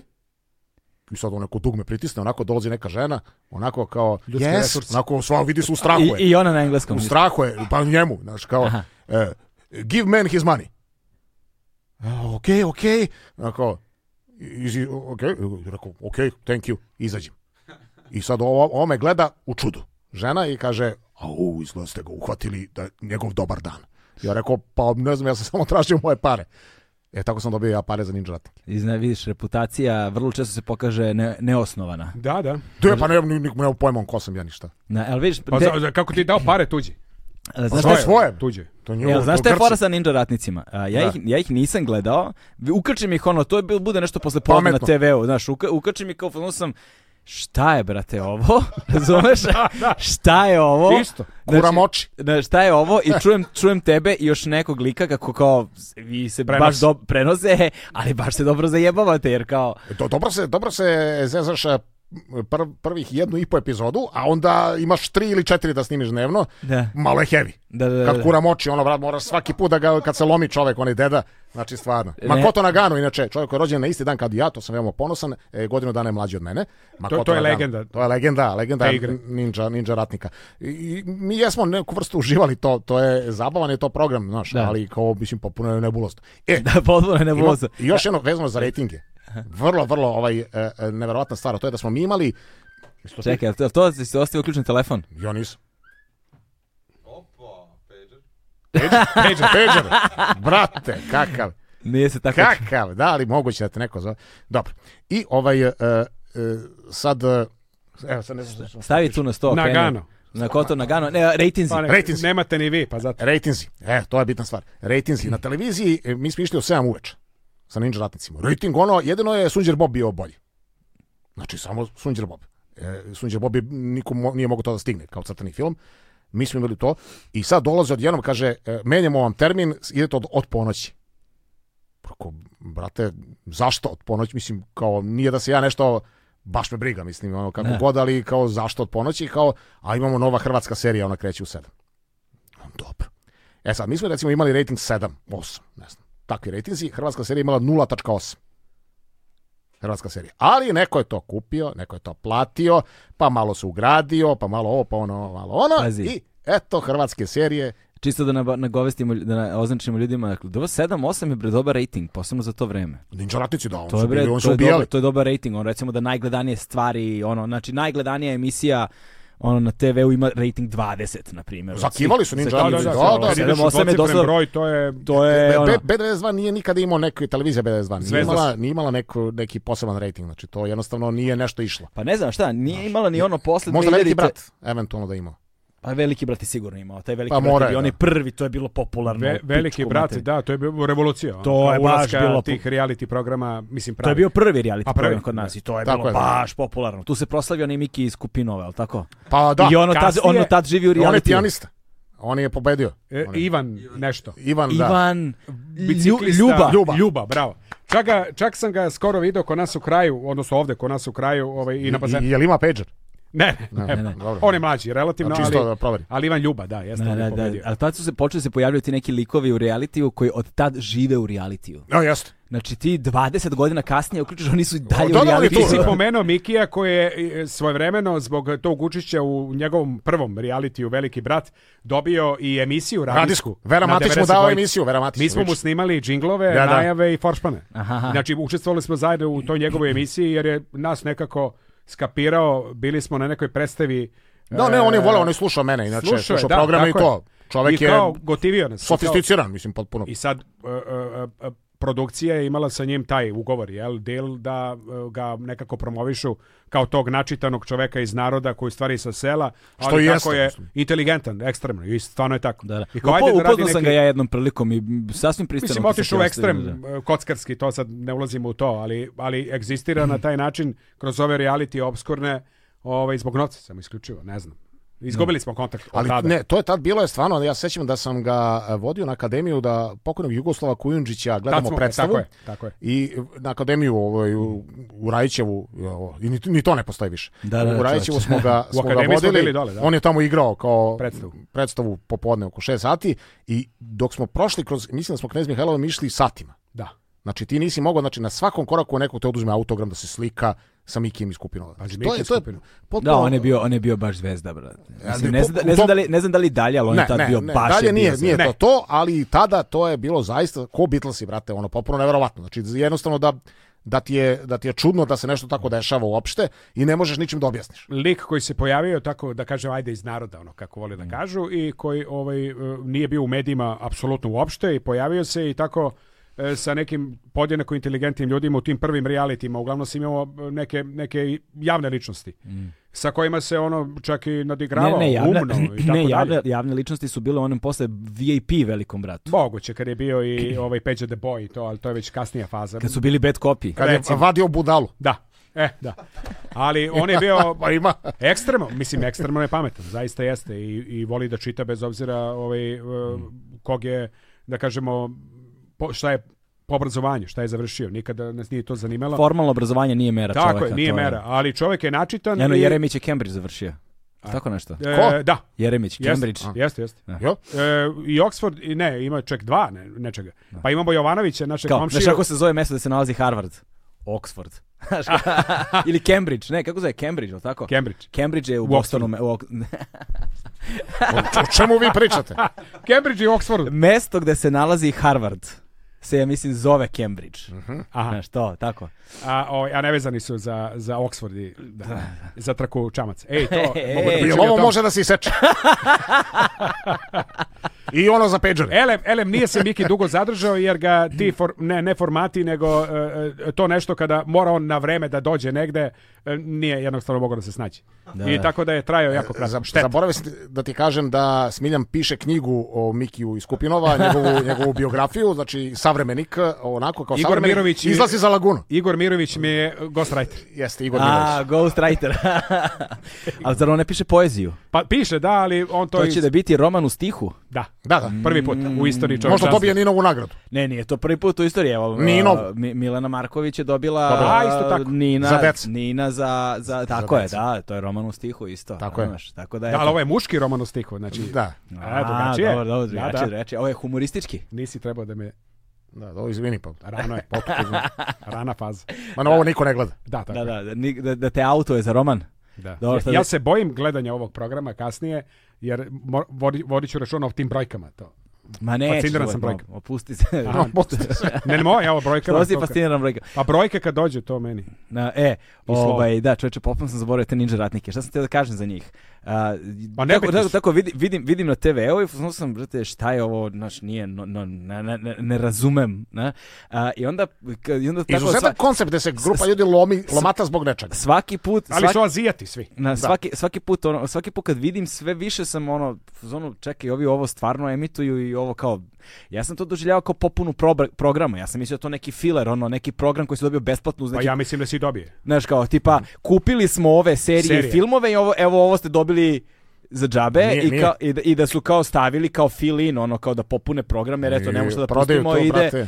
Razumeš, i ja sam ovo nema šanse da neko gleda, ali onda kako je to, se to već neko vreme, ne znam, emitovalo, počeo sam polako da srećem ljude koji meni pričaju o ninja ratnicima, znaš, pričaju forama sa ninja ratnika. Ja sam u fazonu jebote, daj kao naš, probam da pustim ja, razumeš to?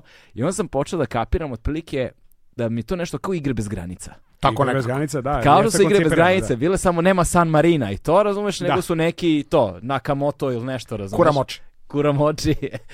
Vrlo popularan takmičar. Pa, pa što se smete? Kuramoči je jedno od najpopularnijih prezimena u Japanu. Pa ne, ne, ne to, nego... Pa Sete se ljudi kako izgleda. Da, da. Kako izgleda? Ono je čiča, onaj što ne, ne može da pređe nijednu prepreku. A, ne znam, ne znam, ne znam. Ne pa, moraš da pogledaš. A, dobro, moraš da... Ne znam da li još uvek živ. Slomi kičmu odmah na početku. Na, I onda sam provalio da, da su ti ninja ratnici ono, stvorili ozbiljan fenomen I sećam se trenutak da je u jednom trenutku ti više nisi vodio ninja ratnike, neko drugi je počeo da ih vodi. E, e uopšte, to je, ne, ne, kasnije Prešli iste te epizode, prešao na drugu, drugu televiziju, onda pretpostavljam da, da, da, da. da je ta druga televizija angažovala svoje voditelje za iste, za iste epizode. I to više nije bilo to. Miljani i Teša su pa, vodili. Vrlo zavisi od, od, od, od, voditelja. Aha, da, vrlo, pa, zavisi. vrlo, vrlo zavisi, posebno što ti mi nemamo kulturološki kontekst svega toga, znaš. Da. Niti nama to može da znači. Ja sam posle Miljan i Teša nek... su prvi vodili pre nas. Jel tako? Prvi. Na prvoj. A posle, posle toga su neki par koji ja ne, ne znam ko su ali Miljan i Teša su prvi bili. Na prvo je bila, pa Oni su bili jako onda... dobri. Da, da, da. Oni su bili jako dobri. Ovaj, e, mislim da smo vlada i ja malo tu više crnog humora i tako to, malo smo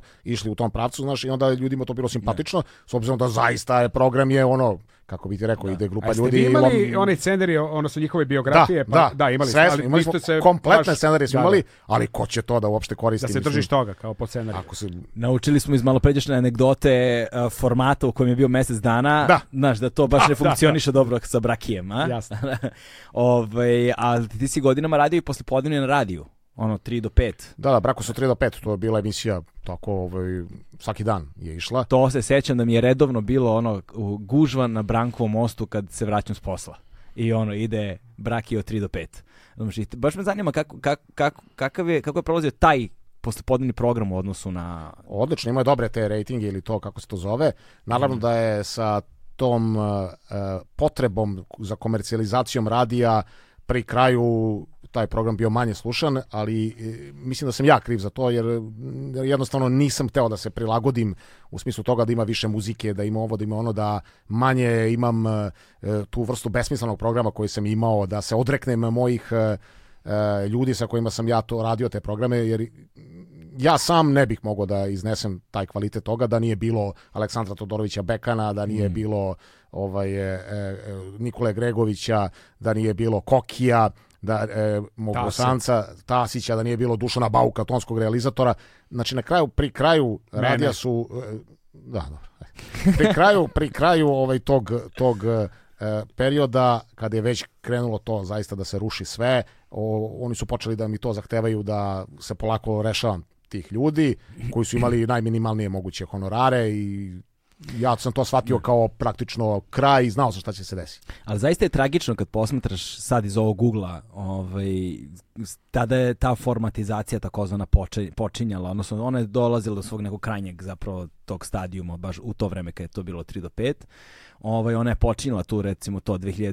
3. godine smo videli prve naznake jel, te, te formatizacije. 2006. 7. je bila onaj period kada su poukidali sve frekvencije moguće i, kada, i tako dalje i onda ta, ta, ta, evolucija toga, mi danas iz ovog ugla, sad kada posmatramo unazad, vidimo šta nam je donela i na koji način je ono uticala na taj ekosistem, ali naj, ajde sada van svog tog sadržaja koje je otišao dođevola i van ono samih medija kao takvi koji su srozani načisto, ja mislim da se po reputaciji mediji i novinarstvo nalaze na najnižim granama od svog osnivanja. Sigurno, to je činjenica. Znači, znači od trenutka kada su mediji nastali kao mediji, trenutno se nalaze na najnižim mogućim granama kad govorimo o percepciji ono populacije i to ne samo ovde globalno posmatrano. A ti trenutno možeš ovde da kažeš bilo šta, može da slažeš bilo šta, da Tako to objaviš negde, da to neko pročita i da misli da to je istina. Tako je.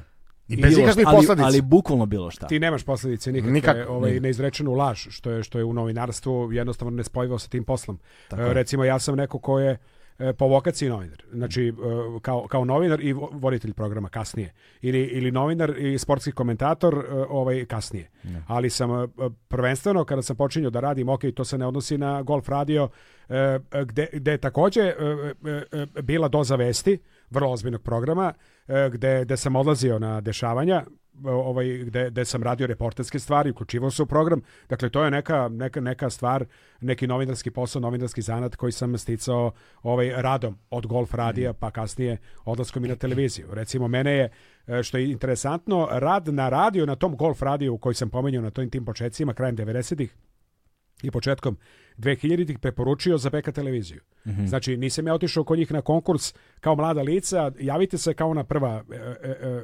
sjajna generacija ovaj, koja se tada pojavila, nego su me ljudi ovaj, sa, sa BK televizije, oni su bili toliko zainteresovani za radijske neke ljude koji su ovaj, tako pozvali među njima bio sam ja. Znači, mm -hmm. mi hoćemo tebe, konkretno ovaj, radio sam tada sportski program na golfu bio urednik sportskog programa i kaže mi hoćemo tebe ovaj da istovremeno dođeš i da radiš kao novinar u redakciji informativnog programa znači da, da ideš na utakmice ako želiš da budeš sportski novinar da. i da postanem vremenom i sportski komentator kome recimo to tako krenulo na, na lakši način nego kako se to ovaj eh, radilo možda u ono vreme nekih dojena i tako dalje. Mnogo duže vremena je moralo da prođe da bi ti uopšte seo pod mikrofon i tako. Ali ovaj, da. imao sam pored Izvim, sebe... Ja sam, bio, ja sam bio mali od palube kada sam počinjao. E, tako. Znači, ono, skuvaj kafe, donesi, trči da, da. ovo. Da. Jeste, pa, jeste. Pa mi, recimo, dođu sa snimanja pa mi daju trake, pa onda ti sediš i gledaš trake, imaš one papire, popunjavaš time kodove. Da, da, time kodove. Jo, tako je. brate, za, spremaš za montažu. Da, da. Pri, pripremaš materijal za, pripremaš materijal za montažu, pa arhiviranje materijala, pa onda idi na ulicu, radi ankete, ljude, pa sam anketirao na ulicama, ono, ne znam koliko dugo. Dakle, to je imalo svoju... Pa onda montaža svega toga za, za program. Sedi u informativni... montaži, pa noćne smene u Tako realizaciji je. programa, pa, brate, dok sam ja došao do kamere, otelio sam se. Jeste. E, meni je, e, e, kažeš, radio, odnos televizije radije. Evo sada gledamo. I, ima ljudi poput Brakija koji ima otpor prema televiziji. Ja ga potpuno razumem. Ne, dakle, on je dakle, samo radijski čovek. Smo, tako je, radijski čovek i želi da ostane u tom radijskom smislu. I zbog toga mi od samog početka i ovog našeg e, novog početka, ajde tako kažem, bili smo u fazonu da ne budemo klasičan podcast i da ne odemo na YouTube, nego da se radijski izražavamo, dakle da budemo samo glas koji se čuje, odnosno dva glasa koji se čuju i ti na osnovu tih glasova vizuali realizuješ nešto, jel, kao pravi radio. Radio za to i služi, dakle da ti svojim glasom e, omogućiš e, slušalcima da vizualizuju ono o čemu pričaš. Makar mi radili radio drame ili nešto slično, ali kad oni kapiraju o čemu se radi, ti si odradio sjajan posao. Na televiziji je drugo, ako si ti počeo kao televizijski čovjek, i dođeš da radiš na radiju, ja sam imao masu iskustava ovaj, sjajnih kolega koji su bili e, fenomenalni na trećem kanalu svoje svojevremeno čuvenom i tako dalje i dolazili odjednom na golf kao kod mene na obuku sedne čovek znači, koji je ekstremna televizijska zvezda bio u tom trenutku i, i ne može da u programu bude 3 e, do 5 minuta koncentrisan. Ne, nema šta da kaže. Da. E, jer na televiziji ti rukama i tako dalje i objašnjavaš na razne načine, drugačiji je potpuno format, a na radiju moraš, brate, iz glave da, da to neki broj fond reči, rečenica i ti kroz radio stvari učiš da, da se verbalno izražavaš i kasnije ti je mnogo lakše kad dođeš na televiziju. Ja na televiziju sam otišao ovako i uletao sam u program bukvalno posle mesec dana. Jer kažu, tebe je u stvari radio Uh, uh, izbrusio. A čekaj, šta da si na televiziji radio? Pa radio sam u sportskoj redakciji kao Aha, novinar. A pa da, ja to i, sport nikad nisam pratio, pa, pa ne znam. znam. Da, da, da, da. I, ovaj, e, I uz Acu Stojanovića, uz e, Vladu Mijaljevića koji su trenutno na RTS-u, uz Milana Boškovića koji je otišao na Al Jazeera, a pre toga bio na 92-ci komentator e, Lige šampiona. Ja sam počeo da radim ovaj prenose futbolskih utakmica i evo radim ih i dan danas. I to mm. zahvaljujući pre svega sportskoj redakciji BK konkretno kada je moj primaran posao. Ali dobro, kao komentator, ali kao komentator sportskih utakmica se ne slikaš. E, ne, ali, ali e, sam se slikao u vestima, znači kao, Aha. kao novinar iz sportske redakcije, imali smo naravno naš blok i emisije koje su bile ne. Da. strukovno vezane za futbal i tako Reci, Mene je fascinantan mi je taj sport, generalno kao, mislim, taj uh, novinarski, voditeljski, televizijski, kakav god segment sportskog ono sadržaja, zato što nikada mu nisam prišao. Ja ne mogu da zamislim uopšte, znaš kako izgleda, nisam nikad gledao, prišao, ništa, nemam pojma, znaš. I onda mi je Ovaj, znaš, fascinantno mi je kao neko potpuno strano biće koje egzistira tamo negde i nisam nikada otišao da vidim šta se tu dešava i kako to funkcioniše, kako to izgleda, koje tu loženje, šta se, znaš, uopšte ne znam kako izgleda priroda komentatorskog posla, to mi je recimo potpuno strano, kao sad, znaš, ono, prenosio sam dva, tri puta neke događaje kad su recimo dodale MTV nagrada bile kao baš važna stvar, kako to čudno zvuči iz ovog ugla, pa na trećem kanalu Jeste bude... Jeste važna stvar, u ono vreme ono... MTV nagrade su fenomenalna stvar. Pa i 92. Kao Oscar, da, da, pa prema ljudskim pravima. Pa naš, da, e, i, ovaj, I sećam se tada je RTS, na primjer, odnosno treći program, treći kanal je imao prava na prenos i onda tako zovu ljude koji se treba da znaju nešto o svim tim to je sad kao neko široko znanje u oblasti popularne kulture, šta god da, da, ono, da, da. film, muzika, ovo ono, i onda nas kupe nekoliko sa različitih strana, ono, skoca i konopca, jel te, nas kupe i kao radimo, dob, dobije se ono, ona Biblija, produska košuljica da ti kao sad komentarišeš program uživo,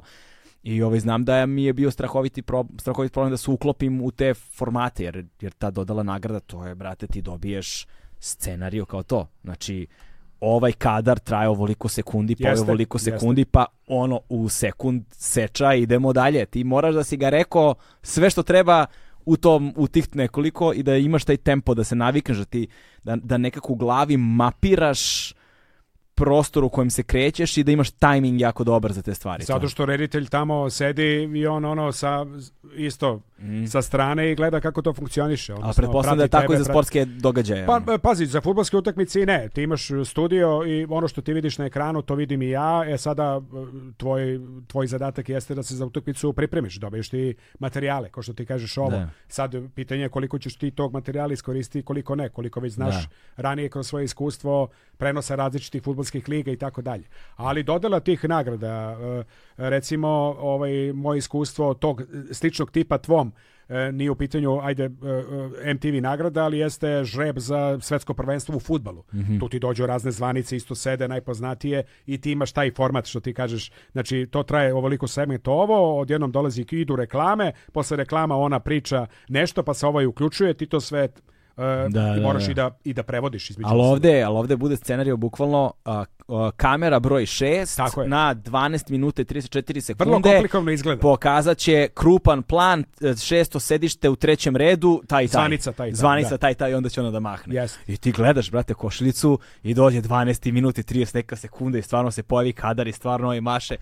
I ti su jebote. Tako, kao... tako mi dobijemo recimo e, to kad mi kažemo praviš se važan, praviš se kao pametan da sve znaš kad su neki veliki teniski turniri u pitanju, Grand Slamovi koje sam radio onoliko. I sada dođu zvanice ta velika finala, polufinala i ljudi mm. u, u principu ti ih znaš. To su uglavnom domaće zvezde neke filmske industrije ili neko sličan, ali postoji oni koji su lokalnog tipa. Da. I onda sad ono, naš, pojavi se, ima i mi prezime, ne pojavi se na ekranu, ali tebi u toj košuljici, u tom materijalu koji si dobio, u tom i tom delu će se mm. da. pokazati taj i taj, onda se napraviš kao pametan, znaš, odjedu, u trenutku o kome se radi, znaš. E, ja sam da. tako jednom radio da. otvaranje Evropskog prvenstva u Vatrpolu bilo je negde na Kalemegdanu nešto bilo. Ja ne znam koja je to godina, stvarno ja pa ne to je u vreme kada je znam da si to radio jer je, mm. mislim to sam pratio da. uh, profesionalno. To je vreme dok je Zoran Đinđić još on je otvarao posle Natoš Majden. 2002. recimo, u ono vreme kad je bio premijer. Ja. Znam samo da mi ovi svi organizatori koji su tamo uh, sad ti ono isto dobiješ tako šta da čitaš kako sve ono normalno, ali su zaboravili da stave reprezentaciju Italije. Mm. Sastav. Zaboravili. Znači, i sad ništa mi čitamo. Sada izlazi reprezentacija Španije. Zamislite file. Aplauz. Reprezentacija ovo. I izlazi Italijani. Mi nemamo Italiju. I? Ništa. Jeste izmišljali imena? Ne izmišljam ništa, šta da radim. A, pazi, Čutim, brate. Ono vreme... Čutim i bio je diplomatski skandal. Ekstremno popularno. Stvarno? Da, da, oni su se žalili. Da. Pa no, mislim, ali ja nisam kriv. Čekaj, znači, sam ja, izvinite, evo pogledajte, izvolite. Znači, čekaj. evo na papiru, ili ima negde reprezentacija Italije, ja ne moram znam to. Mislim, ja sam profesionalac koji dobije čita ono što mu daju. Da, da, da. Ja da. nemam to da znam, ja sam... Ni, ni, nisi mogao da znaš unapred. Nisam imao vremena... Ali da- čekaj, si ti bio, si ti bio komentator ili si bio vojitelj Vodite programa, programa na licu mesta? Na licu mesta. Aha, okay, e, ti okay. Ivon Jafali. Ivon Jafali. Ivon Jafali. Jao, Ivon, Ivon, Ivon, Ivon, sećam se ja, da, da. Na licu mesta. Ivon, šta e, se to njome? je onda, znaš, ono, sad gledaš, brate, ono kao sad, imaš za reakciju možda 3 sekunde, 4. Ne čitaš ti mm. njihove, njihova imena. Šteta ali... što ja nisam to radio, seti, odbih iz glave. Da, njemu bi pager bi mu. Da, ja, sad, sad, sad, sad kad pominješ taj vaterpolo, sećam se da je jednom bila neka tuča poznata. Kod nas? Da, pa da, ja znam da li je Tuča na vaterpolu. Ne, ne, Tuča da, je da. bila u Kranju. Ako mislimo na Tuču, kad je i Boris bio tamo gost, pa smo igrali finale ovaj, Hrva, sa Hrvatima. Ona moguće da ne, ne mogu da, da, da, to je da bilo 2003. godine u Tako, znači pogodio sam otprilike vreme. A, da, Jeste, da, da, da, da, i to je bilo čuveni skandal. Boris Tadić je tada bio predsjednik, naravno, i bio i na tribinama i onda su ga evakuisali i bilo je šibanje na tribinama. E, pokušali su stvari da dođu do... Jeste Šapić šibo? E, on je tad bio predvodnik te generacije, ali moj kolega Aca Stojanović, mi smo prenosili ovaj, Aha E, čitav taj spektakl i posle doček njihov e, ispred Skupštine, to je oni čuveni do, dočeci koji su bili svoje vremeno. Ja sam bio reporter ovaj, sa lica mesta i ovaj Aca je završio u bazenu. Skočili su svi u bazen da ih ne bi ovi navijači linčovali. Bukvalno. Aha, pa ko, čekaj, ko skoči u bazen? Naši igrači plus delovi rukovodstva i tako dalje da pređu na drugu stranu i da Aha. da se evakuišu. Bile dosta problematično je bilo i moj kolega, sećam se Aci Stojanovića, koji je prenosio to sve sa, zajedno s telefonom je u to vreme i mor, s telefonom je pa uskočio u bazen. I onda je dobio od Bogoljuba kasnije, kad se vratio, specijalno priznanje i dobio je telefon kao od Moptela u to vreme. I pager. Mobil, pager nije, ali to je već 2003. pageri su ugašeni bili. E. Ali to je u Kranju bilo. Da, u Čekaj, Sloveniji. pageri su već bili ugašeni 2003. A? Da. Pa krajem. Ale Pobogu pa čoveče. Kako, Kako da- me vozi? Nemoj, nemoj, nisam ni provalio da me vozi.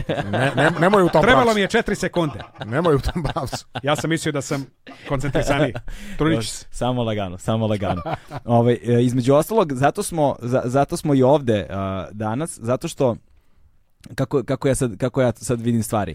Dakle, uh, kao neko ko je ne samo fan jel te, radijskog, dobrog radijskog sadržaja i neko i radi to što radi, nego... Ako si fan dobrog radijskog sadržaja, zašto smo nas dvojica ovde?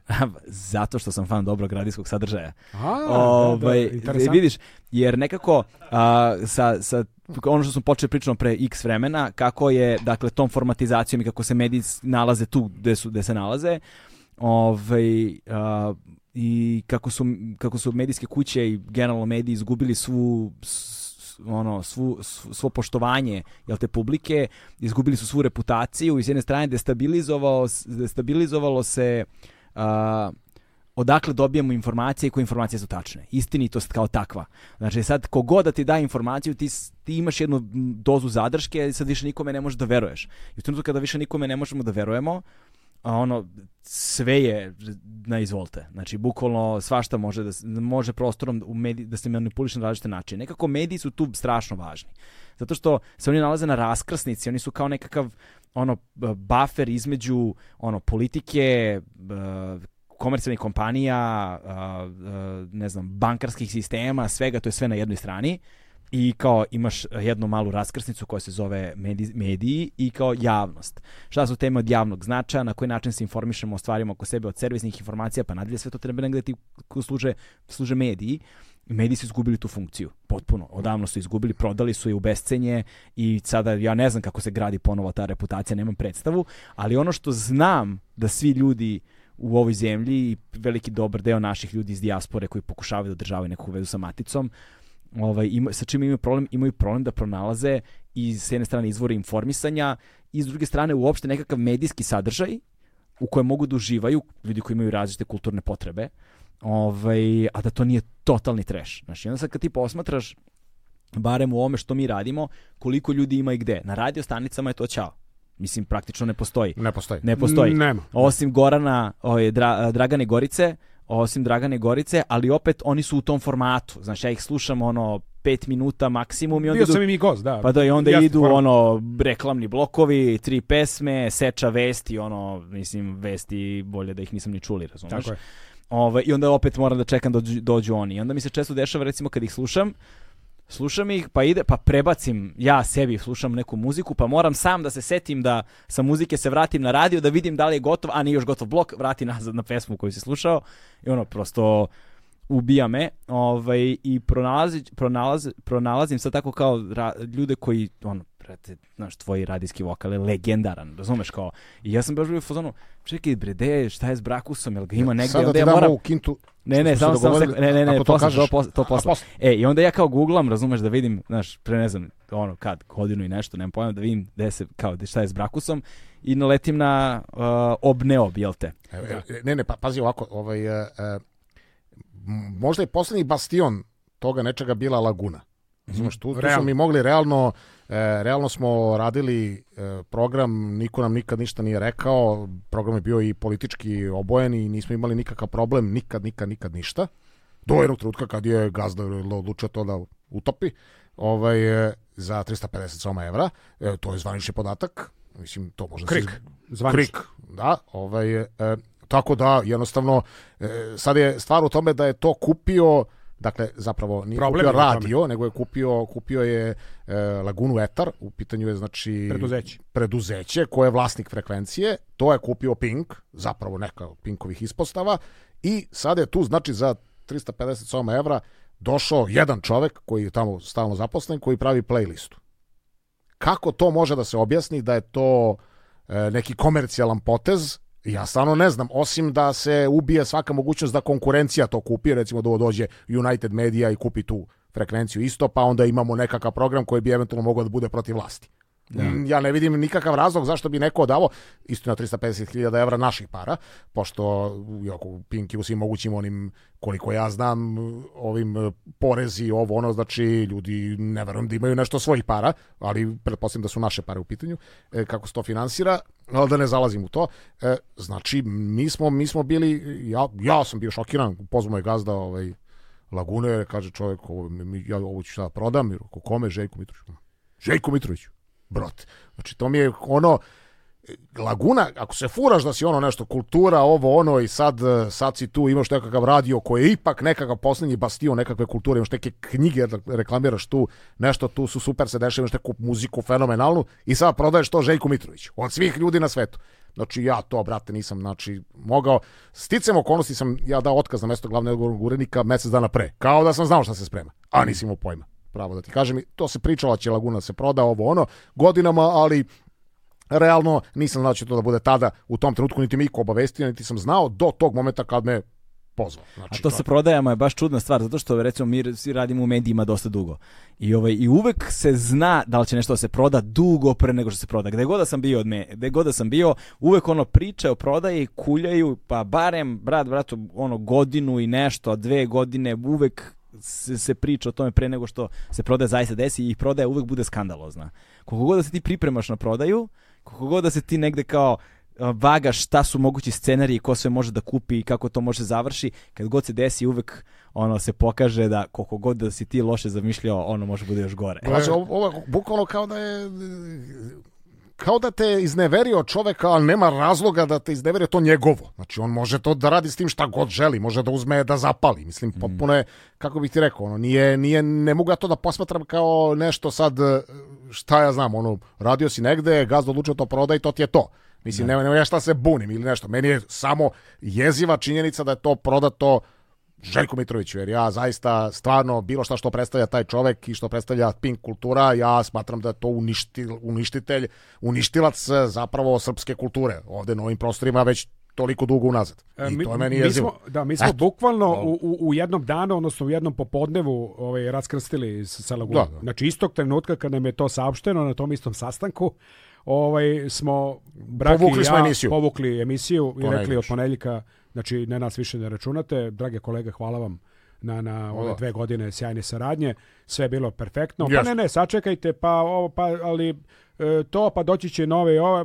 Ne, ne, ne, od ovoga da. trenutka, znači od ponedeljka mi više ne radimo, hvala. Nismo se nikada više ni vratili tamo, ni fizički. Ne. Znači tog trenutka, da. tog petka, kada je napravljen sastanak i kada mi je Papić, dakle glavni čovjek Lagune, došao i Vlasnik. rekao kakve su stvari, da je to prodato njemu, tom i tom, da on nažalost imao je želju da dođe da nam se predstavi na tom sastanku, ali su ga sprečile obaveze, pa nije mogao, pa rekao samo sam još željka čekao da e, uđe ovde sa tobom. Znači pa a ja onako malo eksplozivno kakav inače jesam, ovaj pa a, tako a, zamisli da je Željko došao, a? Pa to bi bilo strašno. Mislim bilo bi strašno zaista. Mi posle nismo ovaj, ni advokati su zvali kao ništa. nešto mi došlo. Kao... Njegovi lični advokati kak... su završili taj posao Tamo sa Tamo da sedim, ne sedimo s njima ne Nas sedim. su zvali, snimali te razgovore kao vodite računa, ovaj sada pričate sa advokatima tim i tim, pa kao e, snima se razgovor, Marko, da, da dođete ovde morate da potpišete. Ne, ne dolazim nigde. Pošaljite mi papire. da. Jer mi smo ne želim sa vama da imam. Nikakav kontakt, brate. Nemojte da niste me pozvali više broj telefona. Ali na kraju e, ispada tako. da smo 9 dana radili za Pink, jer smo do... On. Ja. Ja nisam dobio. A da, on je dobio preminu, je radio manje od godinu dana. Ja sam godinu i nešto. Ovaj, e, dakle, dobio dobi sam za 9 dana, dobio znači... 9 ima... dana je radio za RTV Pink. Ima napisme. Izgleda, da. Izgleda. Ja nisam to ni znao. Ne, ne, ni, znam ja. Izvršni direktor je tako rekao, eh. naš drugar. Ovaj, tako da 9 dana su svi oni radili, ja sam se izvukao. Hey. Mislim, kao faktički da, ali nisam primio od Željka nikakve pare. Ja sam, ja sam da- dobio 8000 da. dinara. Znači, Uš, jo, prodao si se za 8000 dinara. Za 8 soma, da. Ja, ja nisam, pošto ovaj, taman je trebalo da bude zaposlen za stalno. Možda bih i za manj. Od autorca kao za stalno, ali nisam imao godinu i tri meseca, valjda to je zakonski neki da bi mhm. bio kao zaposlen, da bi mogao da, da, da, da dobijem da, da, da. otpremninu. Ja, e, vidiš, to je zajebano, čoveče, tu, tu, tu se dolazimo do tih ugovora. Dakle, kakav ste ugovor imali da ste mogli tako da odete?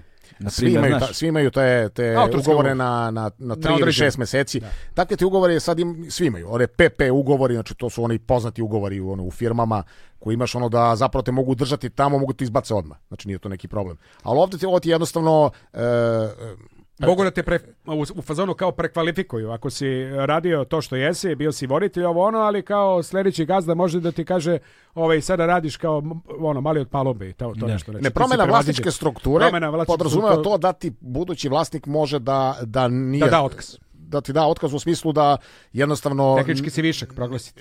Pa ne samo to, nego proglasi da program da programu ne treba Tako, ako treba. sam ja radio voditelj, mm. znači ne treba neće ići radio neće postojati radio voditelj, već će samo biti muzika.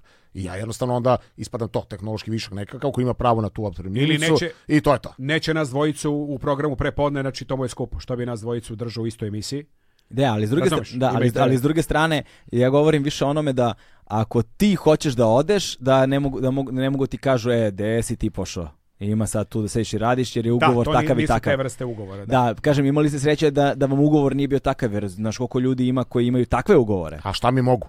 Pa sa produkcijom, pa znaš šta, oni ti možeš ti možeš da mi daju otkaz. Pa ne, mo, pazi, ali fore u pa tome pa, što gone, ti, ti mo, da mogu krivično te gone, što? Teči, znači ti Pa ko ovi u realitima, što su pa im ne daju Pa to da je reality, brat. Razumem, e, pa da, drugačiji su ugovori. Pa ne potpisuješ takav ugovor. Da, pa da. takav, takav je, takav, a, ta, a takav je kupio, razumeš, pa ne znaš kakav si ugovor imao ranije. Znaš, to je fora. A ja znam je, kakav ugovor ima. E pa to kažem. Da, pa, A kao ja gledam. Kak, e, pa jesi gledali, ja. gledali ste te ugovor? Pa, Onda smo znali da možemo zna, to da Znaš koliko se ljudi zajebe. Znaš koliko zna, se znali smo da možemo da mu kažemo od ponedjeljka ne radimo Mala, i čao zdravo. Znači, Mislim, to je... Za tog lika nećemo i to. Ali ono što je... Realno, mi nismo nikad imali probleme. Ni, niti sa Papićem, niti sa Lagunom, ništa. Ja sam glavni ugovornik išao jednom nedeljom nekako kod njega na sastanke. To sve.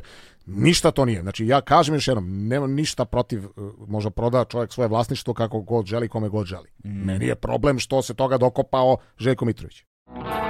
Domaći brend garderobe Legend Worldwide je prijatelj Agelast podcasta na audio platformama. Da, da. Ali s druge strane, kada posmatramo poslovni model, strogo poslovni model, razumeš, mi, mi sad živimo u jednom, e, u jednom sistemu u kojem je slika prilično katastrofalna, bez obzira o kojem mediju da govorimo. Apsolutno da. Znači, i onda mi je strahovito žao mi je kad posmatram kolege i koleginice ovaj, koje znamo po 20 godina i više, Znaš, kako ono, bukvalno kao da li ćemo da, bud, znaš, da li ćemo budemo u režimskim za male pare ili ćemo da budemo, ne znam, u poznacima navoda opozicijonim opet za male pare. Znaš, ono, kakav sadržaj radiš, na koji način radiš, s kojim budžetima radiš, u kojem sistemu radiš, šta se zapravo dešava.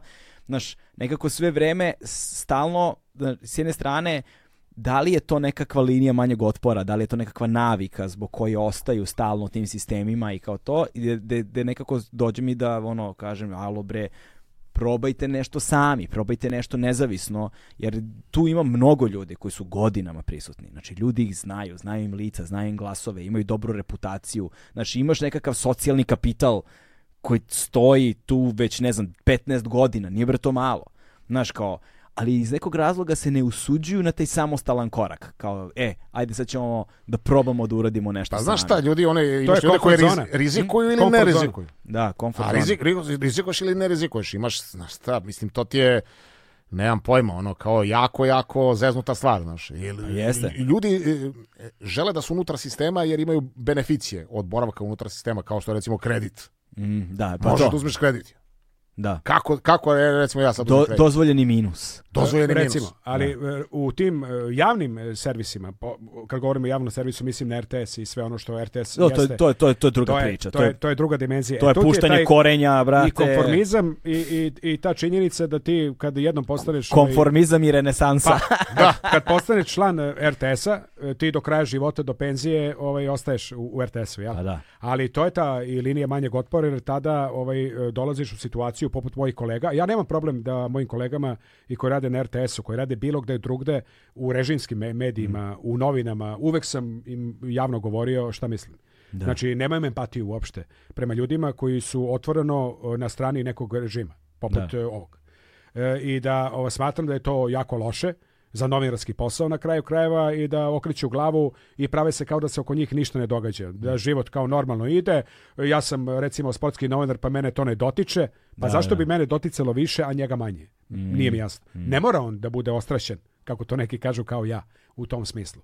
I možda sam ja e, to mojom ostrašćenošću, ali i e, činjenicom da ne želim da budem u prisustvu i društvu tih nekih ljudi koje smatram E, ne, ne manje vrednim, ali ne želim da mi, da mi da, da truju onaj prostor u kome ja jesam ili gde idem. Da. E, Futbalske utakmice, košarkaške utakmice, ja kao e, taj sportski novinar, kakav sam bio, od 2005. 2006. godine niti na jednu sportsku manifestaciju nikada više nisam otišao. Ja sam tada kada sam radio posle BK pa Enter i kažem posle toga kad sam video kakve to face dolaze, kako, kako se to pretvara u politiku sve. Sve obavija ta politika o kojoj si pričao kao ododovimo ekonomiju, monetarnu politiku, ali opet politik. Da. I sva ta politika i svuda vidim te njuške, te odvrtne likove i rekao sam sebi ja neću više da se nervim, da se trujem kao pa zašto oni na tebe kao utiču, gledaj kao sport i baš te brig. Ne, na mene sve to utiče generalno i meni je mnogo, mnogo, mnogo jako, jako lepo u mojoj koži. Mm. Znači, bez obzira što ja ne idem, a odovek sam želeo da budem ovo što jesam da. i da radim, da prenosim utakmice i tako dalje, ali ne provodim vreme sa tim nekim belosvetskim, tim nekim, nekim, nekim odvrtim, obskurnim likovima koji su, koji su nam eh, odozeli sport kao takav, da uživam, uživam u njemu. E, to isto mislim i prema mojim kolegama koji su ostali na RTS-u i koji ćute i smrde bukvalno i baš ih briga za ono što se događa. Znaš? Da. Pa ne ja, znam, ne znam... Teo, teo Gangula da ga bije. Pa između ostalog, znaš ono, pa ti vidi sad kako čovjek njegove koji je bio kapitan te reprezentacije e, i ta tuča čuvena e, i da smo bili i razgovarali e, u smislu intervjua i tako dalje, bili smo sasvim okej okay i tako kože, dalje. E. Sa Dekim Savićem e, ja sam ovaj e, ne vršnjak, on je mlađi, ali smo u kraju rasli zajedno. On u stvari uz nas malo starije i Deki, Deki Savić, sadašnji selektor i trener Crvene zvezde, je moj drugar, školski, mm -hmm. između ostalog iz kraja. Dače i Kudinović i tako dalje. To, oni su gospoda za ovog. Znači, Gangula je, to, mislim, e, šampion, sportski šampion, trebao je tu da trebalo je da se desi tu da ostane, da bude nešto u sportu i da se nikada više ne bavi politikom. Nema, opet, opet ćete Mariše, nemoj. Neće. E, čekaj, šta, te, u svakom da- slučaju htio da, te, htio da te pa bije. Pa, nije, pa nije kao kolegama e, kada, kada, želeo gde? da čupa srce pre tri godine, recimo, kad Ma, se da. aktivno uključio u politiku. Nešto malo. Odnosno, e, sa našim kolegom Ratkom Dmitrovićem je pravio onu koaliciju Spas.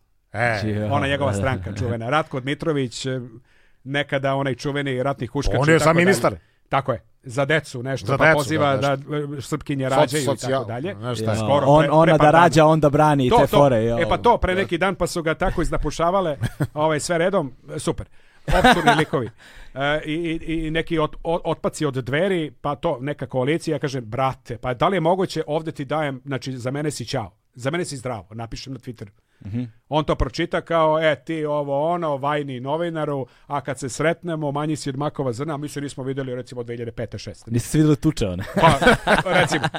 Ali ja kažem, pa ne, nemoj tako da pišeš, dovodiš u zabludu sada svoje čitaoce, odnosno... odnosno A on odgovara to na Twitteru sve? Odgovara mu sve lepo. Brate! Rekao, znaš, gde sam laguna, to i to, znači lepo, pa sad da, da, ono, da vidimo u čemu je problem. Nemoj da lažeš ljude bez veze. Eto, on se dopisuje. I, i onda sutradan dođe Žaklina, N1, hoćeš izjavu, on ti pretio, dođe skandal i konferencija za novinare, pomenuše mene bez veze, pa nisam Vrat. ja mislio, on onako ko mišić i povuče se čovjek. Po tome je najpoznatiji.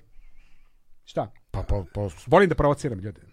Dobro. Šalim se. Ali to, to, to. je bilo sve u potpuno benigno, ajde tako kažem, potpuno bez veze. I, ali ka, opet, ti, sve, te naše, ti naši, te naše kolege i me, bezmalo među njima imaju dosta prijatelja naših. Opet, s druge strane, znaš, kao, da li vagaju egzistencijalno i ovo i ono i kao, ali, znaš, i onda idu opet tako to nekom linijom manjeg otpora i ja, i kao, a s druge, da. strane, s druge strane onda gledam ko su ljudi koji su uspeli da se odvaže, da krenu nešto nezavisno da, rade, da rade i kaže, hajde da vidimo koji su to glasovi gde se su oni nalaze. I onda, i onda pronađem vas Obneob na internet radio, za one koji ne znaju, evo link je u opisu epizode, možete kliknuti vidite. obneob.rs. Da, obneob.rs. A, ovaj pritom vi imate vi nemate zapravo samo taj od 10 do 12. Ne, mi imamo ceo dan kakav program. To je 24 sata radio. Ne, dakle, sad, sad, sad ćemo pričamo o tom internet radiju, ali pre nego što počnemo pričamo o internet radiju, samo da, da, da, da, da pohvalim uh, vaš underground. Znači, vi ste toliko underground da na netu ne može se naći nikada emisija. da, kako? Nema, znači, o, da, idite, da. idite na vaš Twitter, idite na vašu Facebook stranicu, idite, nigde ne Ima piše... Zakačeno Ima zakačeno sve. Od, de, od, 10, od 10 do 12, Sve ne piše nigde. Pa piše od penja... U opisima stranica nigde ne stoji, samo piše op, Na ne sajtu op... nema, to je to već 3 3 3 meseca, 4 meseca pregovaram sa onim koji je napravio da nam to okači. Nema na Twitteru, to su nema, rekli, to moramo da nema, da nema nigde, znači idi Evo, pogledaj, idemo polako, pogledaj, tri meseca piše u opisu, šta ti piše u opisu na Twitteru, nema, nema, ne piše na koliko sad. Nema. Na Twitteru nema, ali ima, nema. Na, na Twitteru možda nema, ali ima na Facebooku pinovan. Ima na Facebooku. I tu ima ono i donacije, mislim, kao mislim, podržava od naših slušalaca. Ove, mi smo kao ovaj, futbalski i, klub da, eh, ma, koji ima, koji, koji, ne, više kao Akrington, pa, eh, čini mi se, Akrington Stanley, koji se e, zapravo... Od koje, donacije navijača. Tako je, finansiraju, finansiraju ovaj navijači. Oni su naši, u stvari, akcionari. Ja. Da. Znači, Što treba da nađe, zaboravim. Da nađe, e, da nađe, da, nađeš da, nađeš ob, ne Sad, e, da ob ne ob, da na vidiš gde, gde, gde, piše, šta piše, kad ima. Ja sam taj koji na dnevnoj bazi obaveštava sve ako si video da, te da. vizuale, to ja kao skromno pravim, najavljujem te sve emisije. Znači mi imamo 24 sata program, obneob.rs mm. i to je e, baza, ajde da kažemo radijska baza, odnosno muzička baza koja je povučena sa lagune. Znači da, da prekoperili smo na neki način. Čuti, da bi bro. to ličilo, pa ne, kažem u muzičkom nekom smislu. Ti normala šta pričaš? Pa kako? Prekopirali smo muzički ovaj, taj A, stil. A u, kakav amater. Šta nismo? A prekopirali smo muzički stil? Pa da. A to može. Znači, da bi nas ljudi i dalje vezivali na neki način za, za, za tu lagunu i našu emisiju, mm -hmm. znači muzičku, kako je obojena, kako je... Kako je Nije, on nema pojma, ja sam programski urednik, znači on je finanski direktor, dakle sve što on priča ovo je e, e, nije da. tačno, dakle e, tu je određeni broj muzičkih numera postoji, ali je bukvalno oko 3 do 4 hiljade novih pesama pa da. Eh, je stavljeno ovaj, mm. jel da, kasnije. A za ne ličimo malo, barem muzički eh, obojeno? Pa i, treba liči. da ličimo pa, na, treba, na, na nešto Lagunu, što je bilo Jer je, jer je mhm. legendarni Pavle Veljković. Je. Eh, je. Pozdrav za Pavla. Šta radi? Šta on radi? Pavla.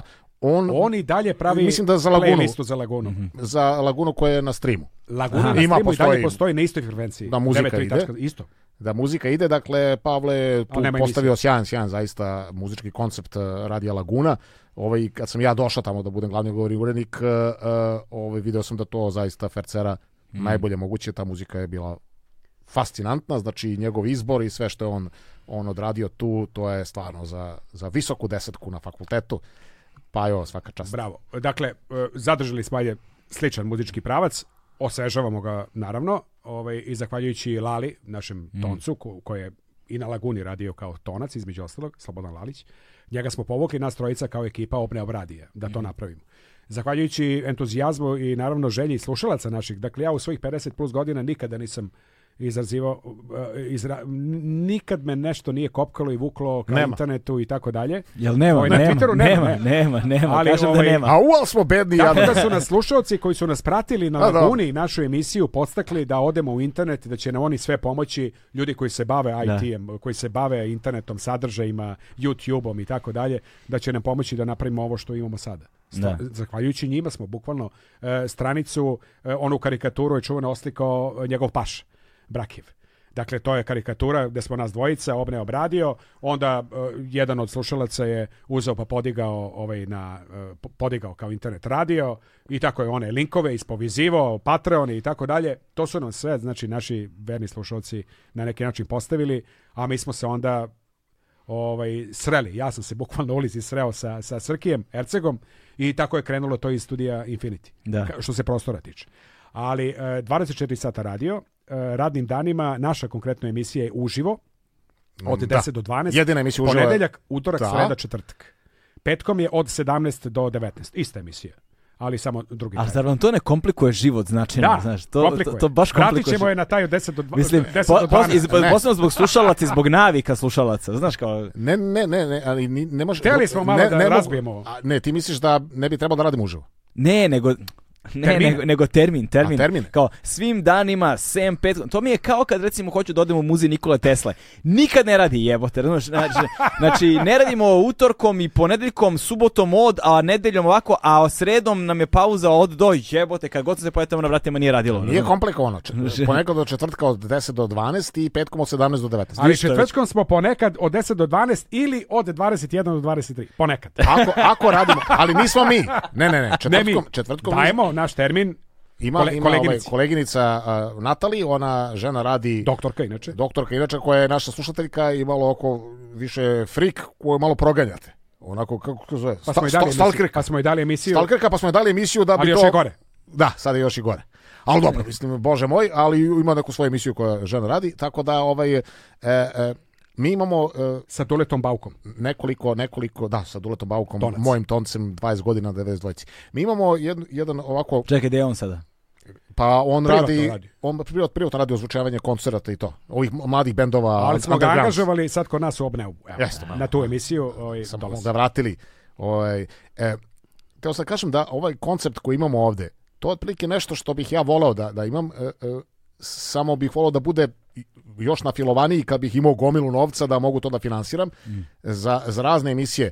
Pošto mi ovdje imamo nekoliko autorskih emisija koje su e, po meni izuzetno e, e, dragocene pre svega. Znači Predrag Mitrović je e, naš kardiolog poznati radi u Urgentnom centru čovek, autor i knjige o, o Urgentnom centru e, i čovek iz benda Šablon e, gde svira Preporuka tu. za gosta tebi. E, ja, kako, mu se, kako mu se zove knjiga u Urgentnom centru? Pa baš tako nekako. Urgentni centar, Sad, da. uh, San Urgentne noći ili ne znam, ne, san, tako da, nekako. San Urgentne noći. Otprilike da, tako. Vrlo šaljivo, da, da, ali s njegovog ugla. On je kardiolog čovek i, i neverovatan je stvarno lik. Predrag Mitrović se zove. On ima dve autorske misije svoje. Jedna je Rokaliteti koji govori o uh, rock bendovima uh, sa područja Srbije, ali sa raznih lokacija Mm -hmm. Kao rok lokaliteti, lokaliteti. Iz 80-ih uglavnom. Pa znači, uglavnom. Neki što... stari, čak i da. demo koji su se pojavili pa su volšebno nestali posle par meseci i tako dalje. Znači, igra staklenih perli recimo. Neverovatno. Slomljena stakla. Arhivu ima, da. Ima arhivu fenomenalnu, a još bolju arhivu ima za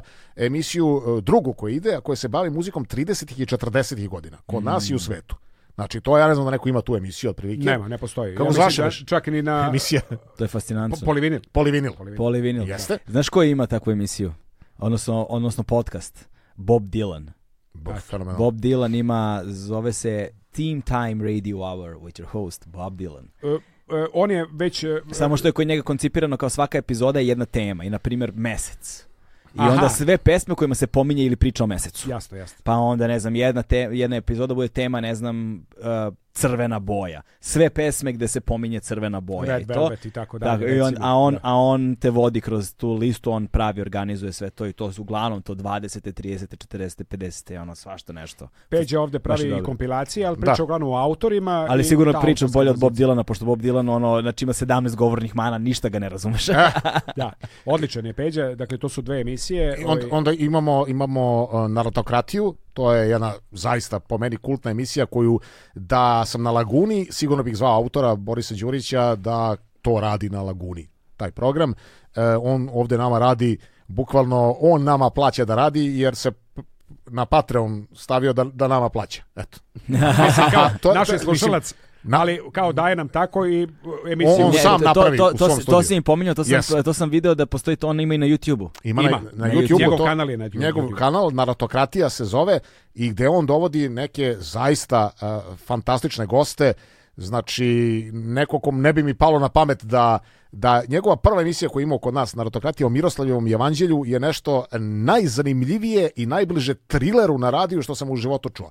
Dakle, gost mu je čovek... Postoji i video izdanje te emisije, bila je skoro na N1 mm. o Miroslavlju Evanđelju, kako je došlo iz Grčke. Pa ali, to, ali to nema veze ali, sa Nema sa veze, ovim. ali kažem, oni tu istu emisiju radio i video. Da. Jer je gost bio čovjek koji je zapravo radio restauraciju Miroslavljog Evanđelja i e, šta se tu sve dešavalo i kako ga je zavrnula zapravo Ministarstvo kulture. Da, da, da. Sada da. ovde. Znači, potpuno jedan thriller ona i pravi i to je kad slušaš onako jedna prava starinska, e, u smislu starinska da je kvalitetna starinski emisija radijskog formata koju ono čovek sa uživanjem sluša, e, a da je da su neke teme koje nijedna nema veze s drugom. Da. Bila I, go, I gosti, da. Priča gosti bio i čovek koji je recimo e, bio deportovan iz Amerike, bio u zatvoru tamo ne znam koliko godina, deportovan, ali zbog birokratske greške mora da ostane na aerodromu 5-6 meseci. Kao, I on je kao, gost, Tom Hanks, kao to terminal. Da, vrlo, da. vrlo I, I on je bio gost njemu. Znači, da. i, i tako, znači, nalazi neke ljude neverovatne. Pa su ga sa aerodroma Beograd vratili nazad e, u Njork, znači, zato što nisu hteli ovde da, da. ga zbog proceduralne greške prihvate, mm. isteklo neko vreme i morao da bude vraćen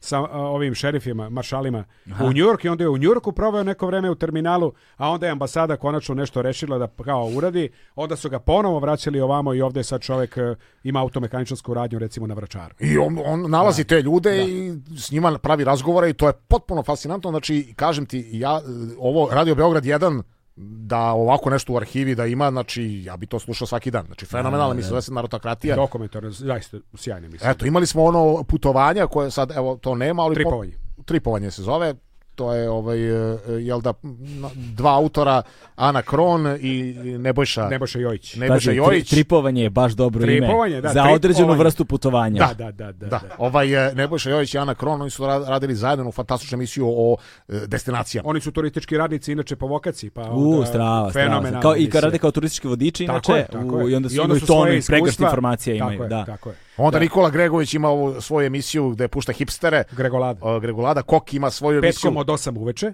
Jeste. E, Darko Kokoruš Koki ima svoju emisiju Djeca pjevaju hitove. Ovaj, to je Heavy ovako... metal, punk, hardcore. Tako je. Četvrtkom. Četvrtkom. 20. Da, ali to nemaš nigde više da čuješ. Ali znaš šta je, to je ono što, to je ono što smo pričali ti i ja kad smo se videli prošli put.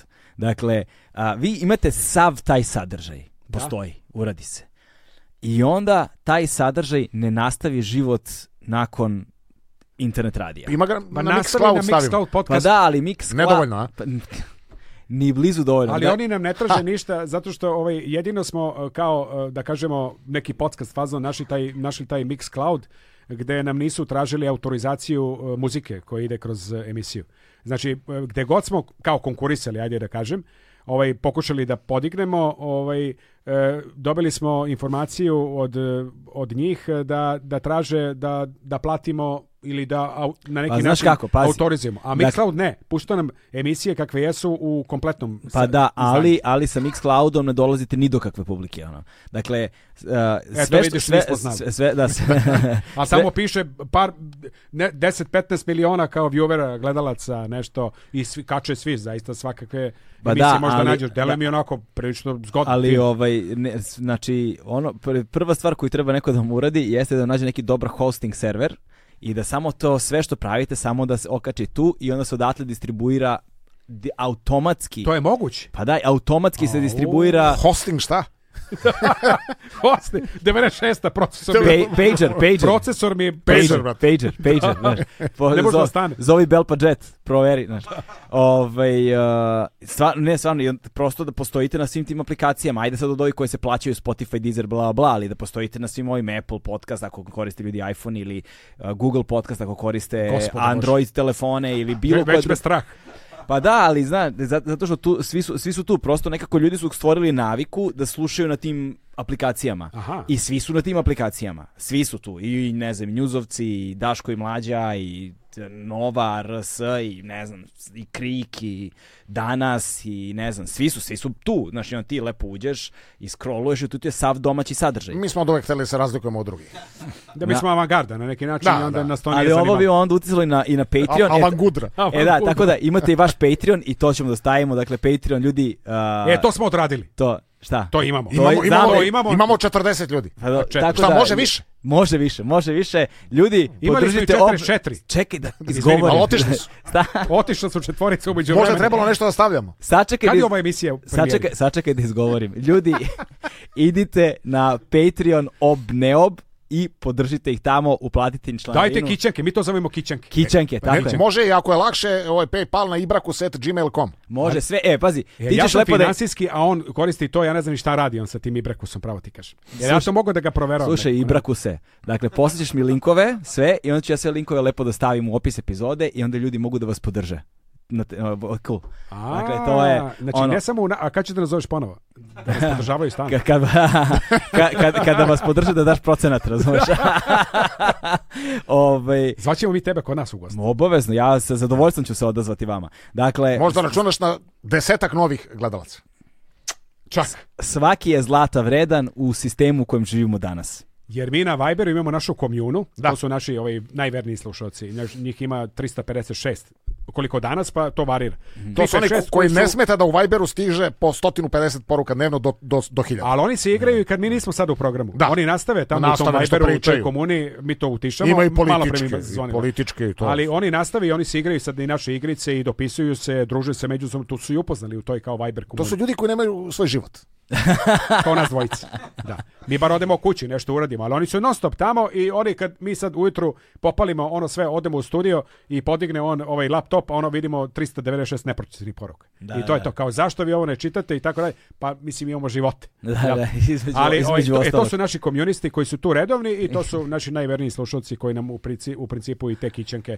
Ali Dobre, ko, da direktivu kažem, smo dobili, pozdravimo Radmilu u ovom e, razgovoru. Ne, Radmila, da, ona mi je rekla jutros jer da, je, da nas ne bi sačekali. Ga, fan, da. Radmila da. i ovaj i imamo od, Pozdrav za Radmilu. Od, znači Kristijan da. Črča eh, dešavalo se od Novog Zelanda zaista do, da. do, do, do Kanade, gore i Ontarija i, i ne znam, ovaj dijapazon tih slušalaca koji se koji se kod nas Skandinavija u program. Mm, Skandinavija, broj, Nemačka, Mi sad imamo Dosta ljudi e, koji žive u e, inostranstvu. Bolji da. stream, što je meni logično, da. bolji da. stream nego što kad smo radili na Laguni. Mm -hmm. Znači imamo imamo bolje bolje te rezultate streama, što je zaista razumno, jer to onda slušajte ljudi kako jedino kako mogu, a to je putem streama. Tamo je bio i FM, pa je to drugačije. Ali mislim da je sada bolje i mislim da se stvarno da dopiremo do nekih ljudi to u životu ne bih sad pomislio evo u Republici Irskoj u Galveju Ima žena jedna, ona sluša stalno, znači jako, jako verna slušateljka i ono što je meni najfascinantnije što bukvalno niko nije nestao od slušalaca koje smo imali na Laguni na tom streamu, mm -hmm. već su samo došli. Znači, ostali su svi i oni su svaki put tu svi. E, ja to objašnjam time da ti ljudi ne rade ništa u životu, jer ja ne mogu da shvatim da bi da neko može da bude svaki dan e, tu na, de, gde jeste u to, vreme. u to vreme bukvalno svakog dana da ne propušta ni jedan program. A njih ima, tih takvih ima okoreli hardcore, ima ih ovde bar 200 sigurno. Ima, Mislim da, ima, da. da mi znamo po ovom po toj Viber grupi. A da. inače ko zna koji je to Znači, kad smo mi dali jednom da nam se jave ljude koji u Viber ne učestvuju, ne šalju ti poruke, nego samo da nas pozdrave to, Fizički javilo se jedno stotinjak ali... ljudi ovako za minut i pa. Mm. Neki koji to slušaju. Ti ne možeš ni da znaš, ne možeš da proceniš koliko zapravo ljudi tu ima i do koga sve može da dopreš. E, ono što jeste naš e, potencijalni problem što mi nikada nismo radili, a, a nije da smo lenji, nego jednostavno e, to što mi radimo to je to i kao e, mali ta, svet. Ta komuna, mali svet, da. I imamo taj mali svet oko nas i to nam za sada kao uh, usrećuje nas. Mene plaši me da kad bih nešto, kad bi da nekom brad neko kaže vidi ovo ovo je bre daj da iskidamo je. Znači ja sad već imam strah od toga života mi. Znači da da e, neko e, neko smo ostraćeni u posljednje Pa dosta smo ostraćeni. Ovaj, da, ne možemo da izdržimo uopšte ovo što se dešava u zemlji, znači uopšte znači ne vredi više, I onda ne smo Jako, I onda smo ovaj, malo nenaklonjeni, jel? Da, ali takvo je vreme, to je normalno. Slažem se, ali mislim, treba da poslušate i treba poslušati neke od e, drugih ono autora koji grade i vrlo su na istoj liniji kao i vi u tom slučaju, znaš. Dakle, u tom kontekstu prevashodno. Dakle, tu su isto i dalje zato što baš zbog toga i naglašavam uh, ta, tu formu nezavisnog sadržaja koji postoji, dakle koji nema nikakve veze ni sa jednim tradicionalnim sistemom, niti sa jednim sistemom uopšte kao takvim, mm -hmm. ne zavisi ni od koga, uh, ne zavisi ni od kakvih donacija, niti što slično, mislim kad govorim donacija mislim na ono, na, na, na, na grantove koji se dobijaju od jel, te stranih fondacija mm, i da, tako dalje. Šta je grant? Nema veze. A bio bre, par puta dolazio pevo bre čovjek. Grant se ne znam oni viski, jel? Horac, Eddie, Grant. A, to, a, ne, Eddie, znam, Grant, znam. Edigran, Grant, Eddie Grant, on je imao onu pesmu Belgrade, jel Belgrade? Beš? Ima, da, bo, da, da, Borom. Show me Belgrade. A, da. Show, a ima ono Borom, Amsterdam. Amsterdam, Amsterdam, je. Ovaj, i, i... Znam ja nešto.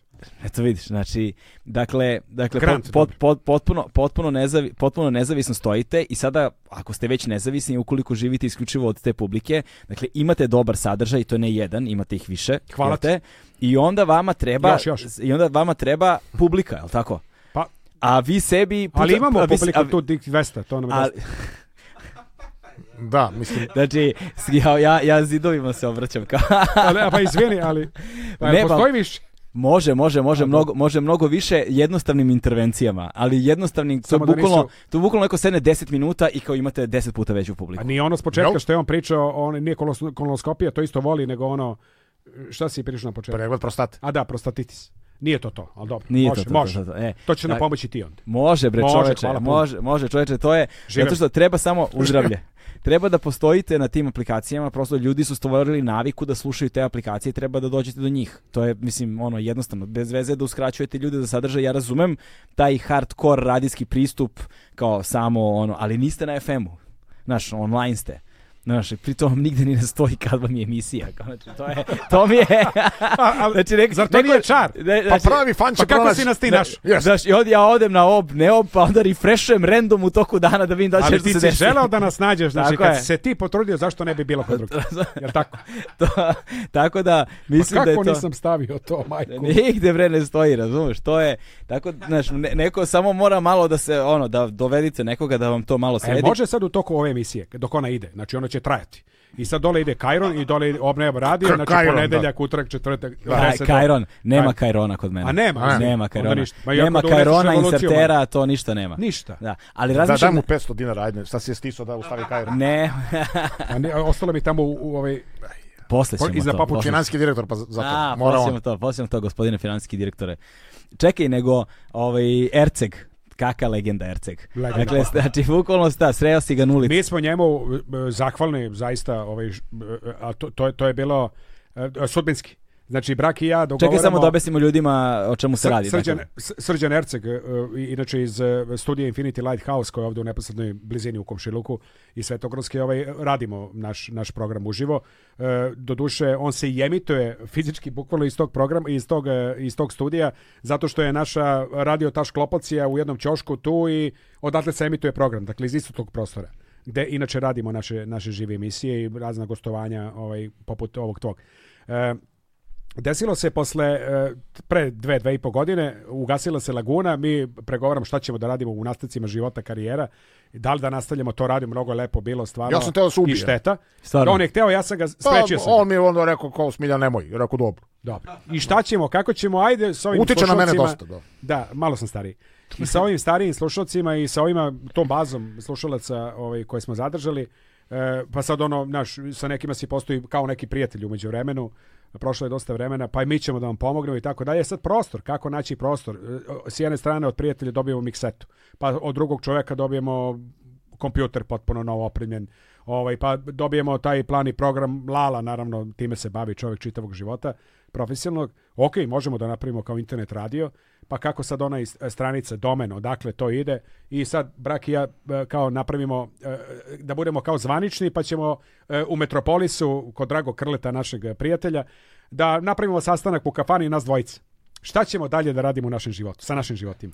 I ja na tom putu do Makedonske broj taj taj ovaj, ispred ulaza u Svetogorskoj bukvalno letim na mog e, kolegu, drugara Ercega. Inače, Srđan Erceg je komentator Formule 1 MotoGP-a dugi niz godina, radio je sa mnom na Eurosportu, odnosno Eurosportu, pa je prešao na sport klub i tamo je ekstremno popular. I radi podcaste.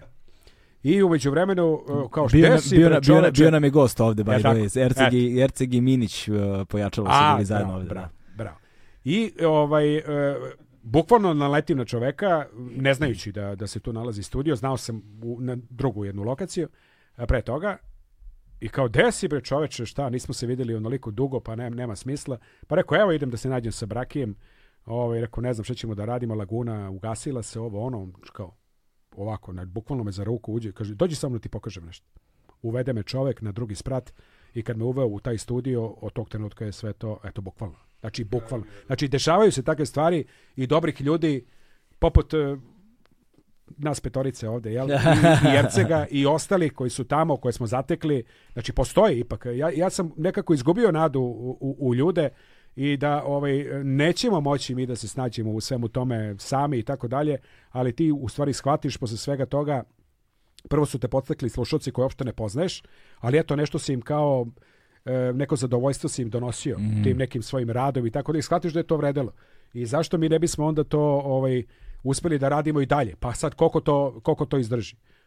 Erceg je bio toliko širokogrut i rekao samo batice, znači ovo, kao da ja, se, ja vas toliko gotivim oduvek i pratio sam vaš rad, nas ima jako malo, mi smo manjine u ovom gradu, u zemlji, jel?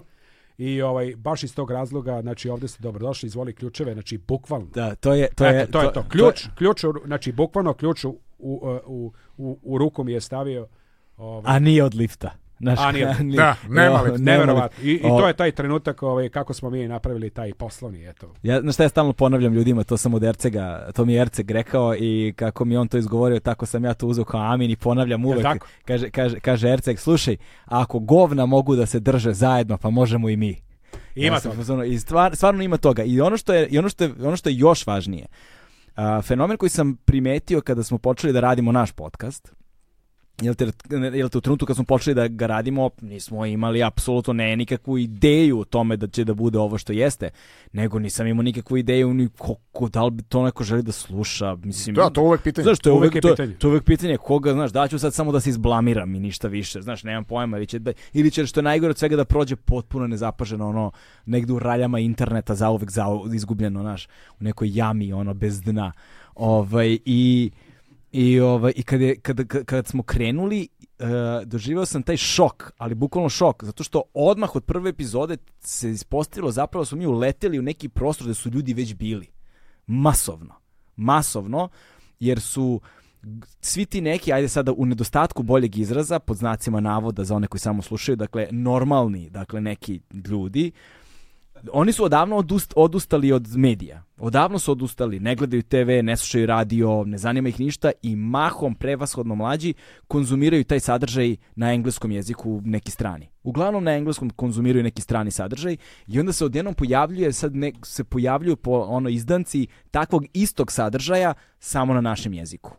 Znaš, i to je ljudima bila prva neka kopča verovatno, a s druge strane takvi kakvi smo, ono, prosto po defaultu promovišeš određene vrednosti, nije da sad uložiš neki trud da ih promovišeš, nego prosto jesi takav kakav si.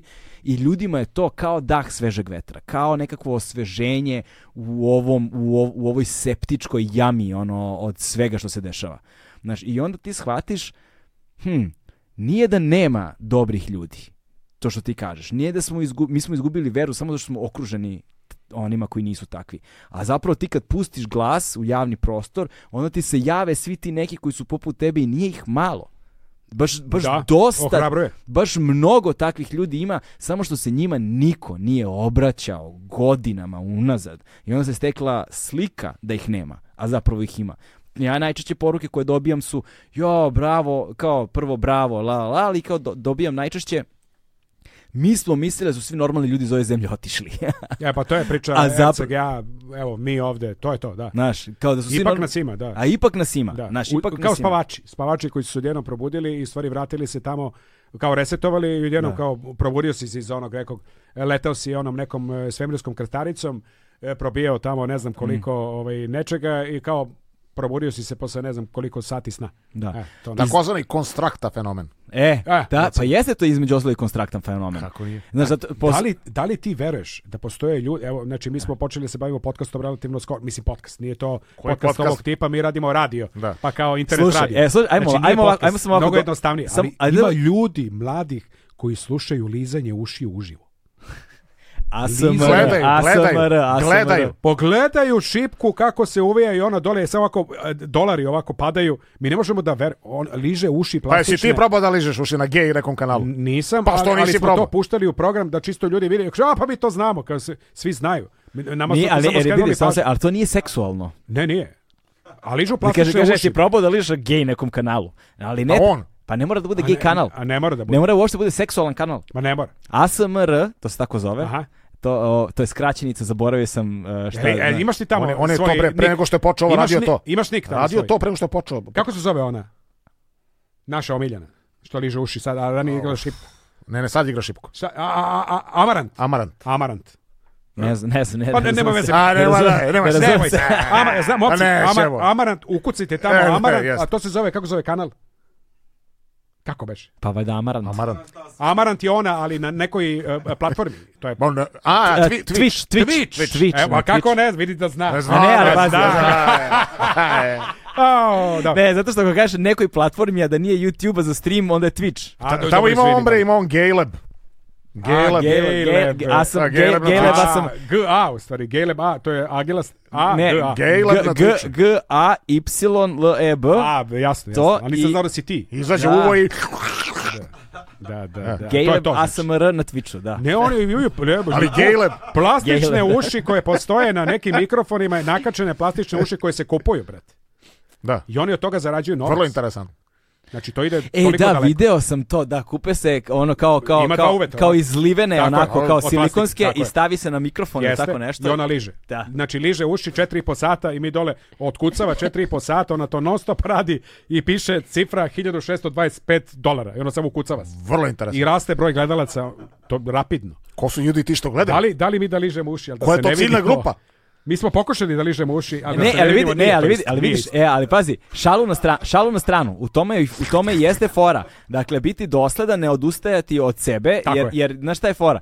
Da doći će gomila ljudi, biće u aha, vidiš od ovoga se prave pare, ajde radimo to jer se prave pare. Da ližemo uši, nećemo. Da, na primjer. Nećem, ali, da. ako ti nije imperativ da praviš to pare... To ti za sebe govori. Ako ti nije imperativ da praviš pare, nego da radiš ono što voliš, pa da od toga ako možeš zarađuješ da pare, to je skroz drugačiji ono mindset. E pa bolje onda ovo. Znaš, misliš da bolje praviš pare? Da. Ne, ne, bolje ovo, A, bolje, ovo mi što je. radimo, pa makar malo. Pa makar malo da zarađujemo. E, ta, vr, ta vrsta doslednosti, ta vrsta ono posvećenosti i spremnosti na žrtvu, kao što ti nisi hteo da pristaneš ni na šta i ta rigidna, ne rigidna, ali ta kao decidirana ono strana tvog karaktera te je učinila takvim kakvim jesi. Ali s druge strane... Ti bi vodio bulevar sa Nikolinom Pišak. Ne bih. Mislim, da, ja, ne znam, ja ne znam ni šta je bulevar. Pa, bilo, e, Nebitno. kratko trajalo. Ali zvuči kao nešto što ne bih vodio. Pa jeste bulevarsko žuto, pa e, malo, E, pa doma, čudno. ma da, zamisli to. Mislim, da. je. Ali s druge strane, ovaj, a, o kompromisi o kojima ja govorim nisu kompromisi, nego je samo ono kanali dolaska do publike gde ništa ne menjaš u svom sadržaju. Kanalisanje publike, to radimo svakog. Mi smo beskompromisni. Naš tvoj sadržaj. Ne, ne, ne, nemamo mi kompromis. Ne kanalimo publiku, to sam htio da kažem. Da, ne, mi samo ne znamo. Svako dana. Aha, to, to, to. E, dobro je, pa onda evo, mo, da mu Ali kažem da moraš može. da mu kažeš da bi u tom slučaju morao da se vidi. Je li tako? Pa dobro. Ne mora da Vizual. se vidi. Ne mora. ne mora. da se vidi. A ja sam, ne, ne, mora, da se ja vidi. Mo, mogu i da se vidim. Nemam ništa. Ma nema problema više sad. Ne mora da se ne mora da se vidi, ali pazi, ako ste kod Ercega, Erceg ima svu moguću opremu ima, dobro, i veće i veće i, ve, i veće da. setapovano sve, sve što treba da se desi kad radite svoju misiju, samo neko da uključi To bi morao ja da budem, znači. Pa, ali sam ja pri... sam sada i, i, i priučen, sad radim i ton. Znači ti ako dođeš u goste sutra preko. Čekaj, da me tonac. Tako brzo. Pa tonac je na e, Insider Forum. Zaposlio se tamo. Zaposlio se i imam više obaveza, jel? Ne I može onda, da dolazi ujutro. Onda sam ja morao vremeno da naučim tamo da ovaj e, e, dignem program, da dignem mikrofone, sve to, naš. Da, On je control freak. Set... Dolazi u pola 10, sve diže. Povezujem. Ja dođem u 5 do 10, onako, brate, sve gotovo. Ja razvežem sve Ercegovo i povežem sve naše. On sve odradi. A kad odlazimo u 12.5, ja razvežem sve naše i povežem Ercegova, razumiješ? Aha, znači ti si, puštam... ti si i tehnički i finanski direktor. Da, ali sam plaćen ni, dobro, to me zbrakiću da razgovaram, neću s tobom. Da. Nisam zadovoljan. Ali, ali ta mikseta, to nije ni, vi, ne vi ne znate kako... Ja nemam nikakav utjecaj na platu. tu si možda nekad video na nekom, u, nekom filmu, znaš, ono to analogno, to lepo, onako, znaš. Nema, nemate ni digitalnu miksetu? Nema, ima samo ovo, to ima nešto sija, ali ono, šiberi sve ovako dižeš, spuštaš. Šiberi. Krcka. Krcka malo, znaš, ko vinil. Fenomenalno. Niko nije očistio dve i po godine. Dobro. Čekaj, dakle on ta mikseta? A, to je posebna priča. Po, moj prijatelj dobar je to nam ustupio na korišćenje, inače, direktora radio televizije Šabac. A, pozdrav za radio televiziju Šabac. Pozdrav za Acu. Ac, legend, zaista. Divan čovjek. Čovjek nam je dao to, je to i... E, šta je sa šabačkim medijima sada? Jesu, ko, oni su pripali? Ma, u kanalu, brate. Ja. E, čekaj, je li ih kupio neko od ovih, ono, Telekom ili... ili... Ma, pa samo su ih preuzeli. Ne, ne, ne, pa to... ovaj, ova televizija Šabac još uvek funkcioniše, kako pojma nemam, Podrinske su ono nestale, o Isidora drugarica imala je ona problema ono gradu i išli, bile potrnice s njenim likom. Ja, o, da, da, da, da, to sam da. video, to je pa kao. Tako pa da tamo, e, kako bih ti rekao, znači, jedini ljudi. grad koji je bio zapravo slobodan medijski ovako i onako i kako god hoćeš je došao u ruke ovi koji to baš ne vole i onda su oni sad iživljavaju. To je u ostalom Delazo su tamo i počeli, pa su mi bili gosti da, kod da. njih, e, dobalo zao, pa su oni da. morali odande da odu, baš mm. zbog e, činjenice da se stvari ovaj, menjaju politički, klima nije bila takva. Jasno, pa jasno, jasno. Na Novo S. E, ako slučajno žena bude, e, bude morala da mi dovede psa ovdje, može? Može, naravno, mi e, smo pa pet friendly, evo imamo ovdje jednog psa već tu. Da, da, da, samo pa, Ja, Ženka, jes. Ženka, Ženka. I, moje. I ja gledam, pošto moj mora da ide na, ovaj, Na šta? A da, ti, da, si, ti, ti, ti, si rekao da imaš dva sata vremena, pa, pa mislim da. da dva sata već prošlo. A, a vi nastavljate, hoćete? Nastavljate. Pa ne moramo da nastavimo, ne, samo, samo, samo sam Ajde, hteo... Samo sam teo, da, možemo, samo, hteo sam još malo samo da razgovaramo baš o tome. Dakle, a, taj nezavisni medijski sadržaj, taj glas razuma, nazovi ga tako, koji je postao strašno redka stvar, ono, postala je ono a, e, roba koja se traži, ja bi ga razumeš, deficitarna roba, znaš, s jedne strane i onda zaista, ja sad ako gledam, kao sad ja sedim i hoću da slušam nešto, hoću da ono da pustim u kolima ili ne znam šti, ti, nija šta, ja zapravo nemam šta da slušam, ja svakog dana slušam Daške Mlađu, slušam svakog dana vas dvojicu i da nema vas, mislim, ja ne bih slušao ništa. I to jeste ogroman problem. Ne Ti nemaš čak ni mlade ljude, neke nove koje koji bi imali nešto, nekakav program koji misli pa, nešto da bude interesantno. Zato, zato što, zato što... A zato što svi otišli su, e, otišli su po platformama, otišli su na internet. E, znaš, radio je, kako bih ti rekao, zastareo. Ali, ni, ali ne, ne, ali ne, ali, ali ne, ali, da ne samo se, ali ne, ne, ne, ne, ne, ne, ne bih se ja složio, zato što a, nema to nužno veze sa time da li su oni otišli na internet. Evo ja sam na internetu i vi ste na internetu. Pa sve, sve okej, okay, znaš, nema problema. Stvar je u tome što Eh, sa mlađim generacijama prevashodno, ovaj, eh, za njih ovo stanje eh, nije nešto što se umeđu vremenu desilo. Znaš, oni, što se, ovo stanje je, što se njih tiče, od kad su oni rođeni ovako. Pa jest, da. Što za njih nije to nešto što je proizvod nekog vremena, nego što se njih tiče tako je od uvek bilo. I onda su samo oni a priori u startu rekli, ovo me sve ne zanima, ovo sve baci u đubre, da vidimo šta je ovamo super. Znaš, i onda posmatrajući, pošto ono, internet im je donao taj globalni, jel te, kulturni uticaj, jer sad, znaš, oni scrolluju taj internet i na tom YouTube-u ili gde god, ili na Twitchu ili gde, gde god, oni vide globalni sadržaj visokog produkcijskog kvaliteta, ono, za, sadržaj zabave, kulture i svega na najrazličitijim nivoima, od BBC-a preko NPR-a, pa na kraju krajeva do Netflixa, HBO, ovoga, onoga, i kada u kada u poređenju sa time, ako je to plato na kojem treba se slikava domaći sadržaj naš, pa to je kanta za đubre, to ono u najboljem slučaju. A šta, ti imaš imaš ti imaš veliki problema uh, uopšte u poimanju trenutno nekog kulturnog modela. Pa da, znači, tako je. ti imaš e, ovdje da je predstavljen kao kao neka vrsta mainstreama. IDJ TV Mhm. Da se razumemo, by the way, to je IDJ TV drži United Media. Tako Ti bi sad trebalo da zapravo posmatraš United Mediju kao nekakav uh, opozicioni kulturni model koji bi trebalo da donese nekakav boljitak nečega. Ne, a bastion pa nekog otpora. Nešto. Režimu. A da. ti imaš znači IDJ TV koji zapravo promoviše najgore ono sranja da se tako izrazim, znači e, sa, sa ono, onim efektima koje je zaista to, to je negledljivo, neslušljivo i e, najgore što ima problematičan taj, bukvalno nisam ja neki čistunac, ali problematični moralni karakter e, numera koje se tamo emituju. Znači, znaš stvarno je jezivo je. Znaš no, imaš onaj gangsta rap, ono, ja, ja ne, ne znam po, ne onaj pravi po, izvor, po čemu to može da se, znači zbog čega ne bi to čak i televizija Pink i Red što drži Željko Mitrović, pa imaš nekakve emisije kao što imaš neku emisiju s nekom e, onom omladinkom i Žiko Todorovićem, pa onda ovaj pušta neki rok na njene moderne pese, pa nešto, pa i pa ima nekakav koncept da. minimalan. Recimo IDJ TV to nema, oni puštaju samo Znaš koja razli... zlo, ne, zlo, ne, Pazi, uh, ajde ovako, znači razlika, pa ja, ja, ja znači sad ne bude da ja sad nešto branim ili, ili ne, ne, nešto drugo, ali, ali uh, hoću da kažem, Uh, ono što je mainstream, dakle ko posmatrano, taj, taj mainstream nije lokalni mainstream, to je globalni mainstream. Slažem se. To je globalni. Oni, oni zapravo samo kopiraju uspešni poslovni model onoga što je globalno tržište. Dakle, ne znam, čuješ Rijanu ili ne znam, ja, pa, znaš, ta verzija toga za naše lokal ono Goga Sekulić. Naš lo, pa ne, nije, nije, nije to ono, Kako, naš, pa oni, oni, oni ne vrte to, mislim Vrte, Goga Sekulić. Pa Kako pa ne, ne vrte? znam, nemam Goga pojma. Sekulić, Stari, Gaston. Ti gledaš to? Mislim, ja sad ne znam. Naravno je. Ja moram da bi sociološki e, fenomene ne, mogao da objašnjam sociološke fenomene, da, mi, ja moram da obratim pažnju na njih. Ali ja to ne da, da. znam, ne, nemam pojma, nemam pojma. Ja hoću samo Tako da- smo gledali lizanje ušiju isto. Ne, ne, ali ono, ali ono što ali ono što ja mislim da da je u tom slučaju da je poslovni model samo u pitanju, da nije to nešto kao hm, a, mislim samo da se generacijski drugačije razume ta priroda sadržaja. Znaš, znači, e, kod nas je dosta normativan taj kontekst tog, te, te kulture u njenom najširem mogućem značenju. Kod nas je ona uvek vrednosna bila. Tako smo valjda odrastali, tako A, pa smo da. valjda vaspitavani. Da je kod mene ono, ova muzika, ovi, ne znam, filmovi, u ove vrednosti verujem, frontman benda je bio neko ko govori u moje ime ono za što se ja zalažem, da li to sa, ne znam, Rage Against the Machine ili nešto drugo. Da, e, ali, ali, ali to je izgubljeno vremenom. Znači imaš, imaš Hrvate Dobro. Recimo. Evo, moram da uzem hrvatsku scenu. Znači, oni imaju... Kako je oni... rekao, to imaš Hrvate. Pa oni toliko popularišu svoju muzičku scenu. Svoju normalnu muzičku scenu. Znači, tu mislim, znači normalnu? Rock and roll, ali, punk. Da. To je kao znači, garaža nekad koja je bila kod nas, recimo. Recimo. Recimo, recimo garaža mm, emisija. Pa, da, da, recimo, da, ali, muzička, da. ali kažem, oni imaju main, main, njima je mainstream pop. Pop rock. To im je mainstream. Znači, ali, to, to je otprilike mainstream. Aj... A ovo što je IDJ TV nameće kao mainstream, Ja ne mogu to da e, ajde, ali, ajde, ajde ovako samo da se... Svaka pesma autotune, ali bukvalno. Ne, ali pazi. O, A to ne u inostranstvu baš. Ja, ja ne bih, ja autotune, iskreno, ne bih nazvao ni dobrim ni lošim. Autotune je ono uh, softverski plugin koji se koristi u produkciji zvuka.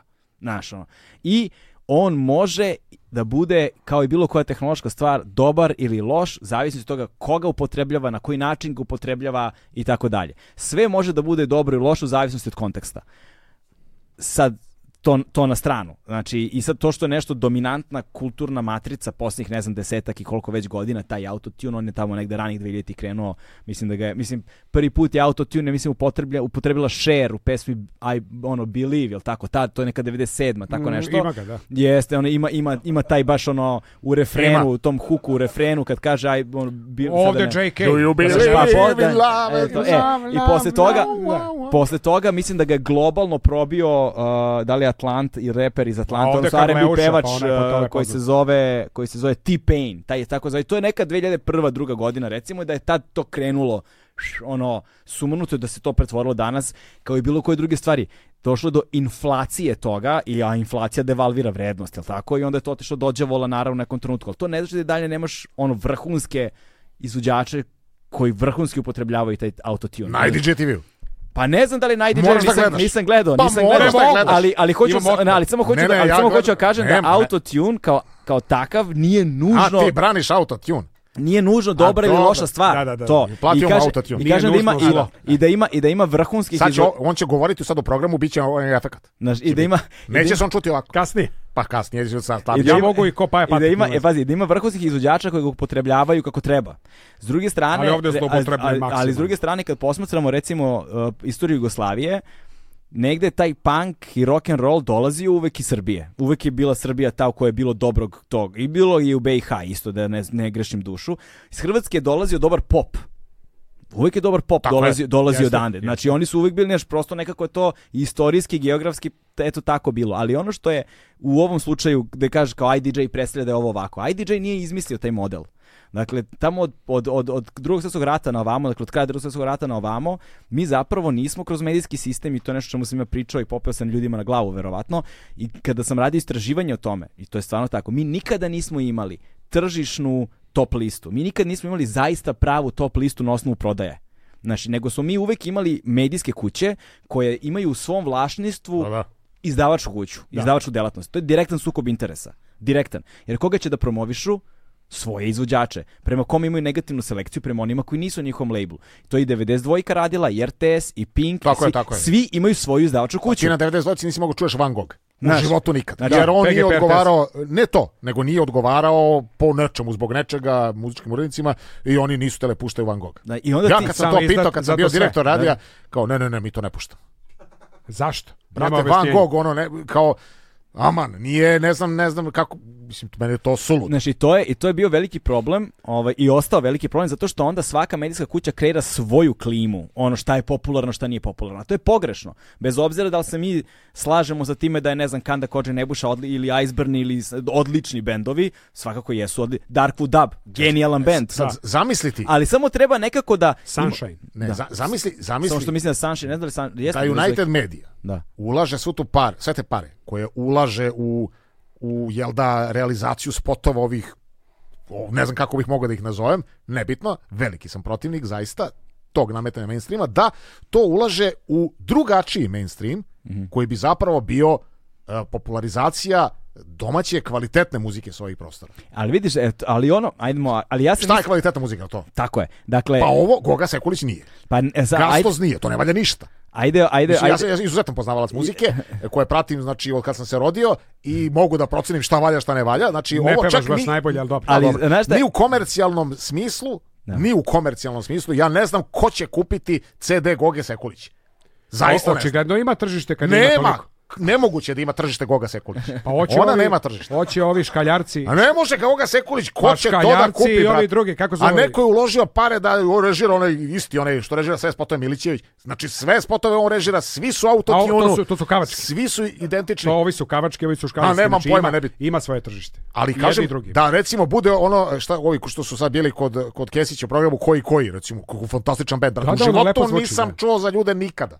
Pa znači, nisi čuo ni za konstraktu. Repetitor, brat. Nisam čuo. Konstrakt, znači onaj triptih njen. Da. Vrhunsko remek delo. Pre ovoga znači, što se dogodilo... Ne vidim razlog zašto ne bi neko to zapravo postao e, to, pa, e, e, pa za, tome, o tome, o, zato što takve stvari treba prirodno da na, pronađu svoj put, ali to mogu da urade onog trenutka kada ti imaš jasno definisano tržište.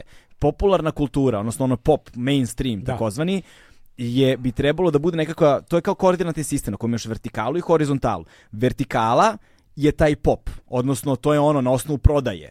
A horizontalna linija je ta, to, to deskriptivno raslojavanje na os, ono, po ukusima, alternativno punk, metal, žanrovi, žanrovi šta god, šta god. Stilovi. I ovde se, e, da bi, da alternativa se zove alternativa jer je alternativna u odnosu na nešto, a u odnosu na popularno. To je alternativno, to znači alternativno. Ali ti kad nemaš jasno definisano popularno, ti ne možeš da imaš definisano ni alternativno. Ne možeš da znaš. Pa jer koliko nemaš... nam treba da definišemo pa, ništa, pa samo, samo bi trebalo u nekom trenutku da postoji nekako sređen taj diskografski sistem, sređen, baš zaista sređen, i da krene lepo na osnovu, popula... ali prave popularnosti, prave popularnosti, da staviš lepo cijelom top listu i onda kada i da je da živi. I ona kako živi neko vreme, počeće da se kristalizuju stvari, počeće ljudi adekvatno da reaguju na njih i da kreiraju prav, ovako, ovako ta alternativna scena nema nikako jasno uporište. Nema, nema, sve je nekako odokativnom metodom od ovoga do onoga. Mi kada smo radili na MTV-u, na primjer, 2005. 6. 7. I sada mi treba kao, eto, mi smo MTV, sad šta treba, mi treba da puštamo regionalno popularnu muziku. Oh. To je, to, je, Dobro. to je znak. Znači ti treba da puštaš regionalno popularnu muziku zbog koje će ljudi zaista, ne ono šta mi mislimo da je popularno, nego šta je zaista popularno, zbog čega mi želimo da ljudi budu na kanalu, da gledaju, jel te, znaš, da ima premijerno spotove, jel šta ti ja znam. MTV Adria. Ili tako, tako MTV Adria, što je rekao, ovaj, a, a, kako se zove, bre, jao, uh, disciplina kičme, jao, stao mi mozak. Koja? Koja? koja da, što je koja rekao uh, MTV Andrija. e, i ovaj, i I sad mi sedimo i kao razmatramo šta je to što je realno popularna muzika, regionalno, znači nešto što će svi hteti da slušaju, a da nisu ti, ne znam, narodnjaci ovo ili ono. Znaš, kao, ok, jasno je me, nećemo cecu i to nećemo da puštamo, ali kao šta ćemo da puštamo i gde se tačno ta linija razlač povlači, gde se povlači ona, gde, Crvena linija. gde je ta linija da. da kažemo ovo hoćemo, ovo nećemo, gde se razlikuje. A bi oni pustili da ste išli u tom, e, e, kao, o dobro ceca, to je pop. E, Pazi, Karleuša Pop, jel bi oni mi smo, tamo mi smo, mi, pustili? Mi smo imali, ne, mi smo imali autonomiju da pustimo šta hoćemo u tom aha, kontekstu, znači da. mogli smo mi znači, sami, mogli, sami. smo sami da to, pustimo. To. Ali to je sad bio ozbiljan razgovor u kancelariji, kao, ok, ali šta je to i na osnovu čega to meriš? Znaš kao, i onda sad sedimo nas trojica, Koncerti, četvorica. Šta? Pa ne, nije, sad sedimo nas trojica, četvorica i kao u ovo je do jaja, ovo nije do jaja. Ali to, al to je naš lični stav i ukus. To je radila 92-ka, to je radio RTS, to su radili svi. Znaš, a to tako se ne radi. To nije, to nije model po kojem ti možda kreiraš nekako zdravo tržište. Znaš, i onda... Znači, oni svi zajedno, ako bi napravili neko telo u kome bi se ti trustovi sastali pa negde pa ne, pa i kao to... na nekom mesečnom ili godišnjem pa ne, planu ne nego prosto... realizovali sve. Ali da, ali, ali to, ali to je, je lanac... problem što, što bi moglo da, da kreirali bolesno tržište. Pa da, ali to je, ali to kažem, ali, ali, nije, ali ga nije, ali neko će da kažem, ali nije ga kreirao IDJ. Znači oni su samo da, i slede, sledeći u nizu koji su radili isti poslovni model. A, a, e, imaju svoju televiziju, imaju svoju izdavačku kuću. Ali oni pro, na, na, na svoj određeni način promovišu tu vrstu vrednosti. To je njihovo, pa i Pink je radio pre toga svoje, i BK je radio svoje, i 92 je radila svoje, govorim, i RTS je radio svoje, svi da su to radili. Da neko ko se fura na nekakve promene u zemlji, e, nekako mi se čini da se time bavi, da je previše ušao u to Ko se fura na promene zemlje? pa mislim da United mediju njihove ne, programe ja, i to. Ja iskreno mislim da se oni furaju samo na ono corporate klasičan tržište, tržište lova. zarada lova. Ja na osnovu naš njihovih programa ja, naša, naša, šta gledam ajde, njihovo nisam e, to shvatio znači, tako. Znači, da je ja, samo to njima bitno. Ja ja, ja, ja to vidim ovako. Znači, kada posmatram ljude koji rade na, u United grupi, kada kada koje poznajemo mi gomilu njih lično, mi znamo njihovu ispravnost i, i zašto se oni zalažu i tako dalje. To je jedna stvar. A kad posmatraš poslovni model kao celokupne korporacije, to je sasvim druga priča. I, ne, I nisu nužno stvari koje se ono, pa me, podudaraju. Meni, meni deluje da tim pokušajem IDG, IDJ, IDJ TV-a i tako dalje, da, da oni pokušavaju, a to je ono klasično, oduzimanje uh, mladih ili ko već to prati, slična muzika, znači od Pinkovih kanala i tako dalje, i tržište prebacivanje ka njima. Sa sličnim sadržajem, ali znaš ono, kao Pojavio se uh, e, medij Ma, ne znam, tipa to, Nova S, a iskra, e, iskra, novine to... koje se ne razlikuju previše od informera i ono po sadržaju. Da, da, jel? da, oni bi... Malo oni bi, pitkije, da, varijant, ali for... preuzimaju tržište. Znaš, ono što je fora, ono, nova, nova S, koliko sam ja razumeo, barem portal, koliko sam ja razumeo, je trebalo da bude tabloidni portal. Pa da. To je trebalo, kao, to mu valjda je trebalo bude, I... ali se desio clash sa ljudima koji rade u odnosu na ono što bi trebalo da bude i kao nije se to desilo, ali s vremena vreme mi vidimo katastrofalne ima sve, ima, svačega, ima stvarno užas, katastrofa, užas. to je kao trebalo bi da budu, a nikako da priznaju da su to. Da. Znaš, e, i da. onda da. i onda nisi ni tamo ni vamo i onda to bude strašno. Tako mi deluje. Ne znam, ne znam da sam u pravu, ali mislim da jesam. S druge strane, imaš uh, a, s druge strane ovo ovo ovo, aj, a, e, za za IDJ i tako dalje. Moraš ja, da sedneš ja, da gledaš 20 Ja, ja iskreno mislim da Moraš. tu nema nikakvog konspirativnog ono odnosa prema tim stvarima, nego da je to samo prosto, aha, šta pravi pare, ovo pravi pare, hajde radimo to. Sutra će nešto drugo da pravi pare, jel to pravi pare, radimo to. Ja mislim da bilo šta može da pravi pare ako ga ti uspešno prezentuješ. Znači ja, e, ali, ja, ja, sam tog pa, stava. Znači, pa da, a onda, nesta, a onda, nestavi, ja da onda, ne, onda nestaviš u koliko sati ti ide emisije nigde. ne, pusti ba nas. Mi, to, ne, pusti nas. Pusti pa nas. ne, ali... ali mi nemamo mi, mi smo budale, brate.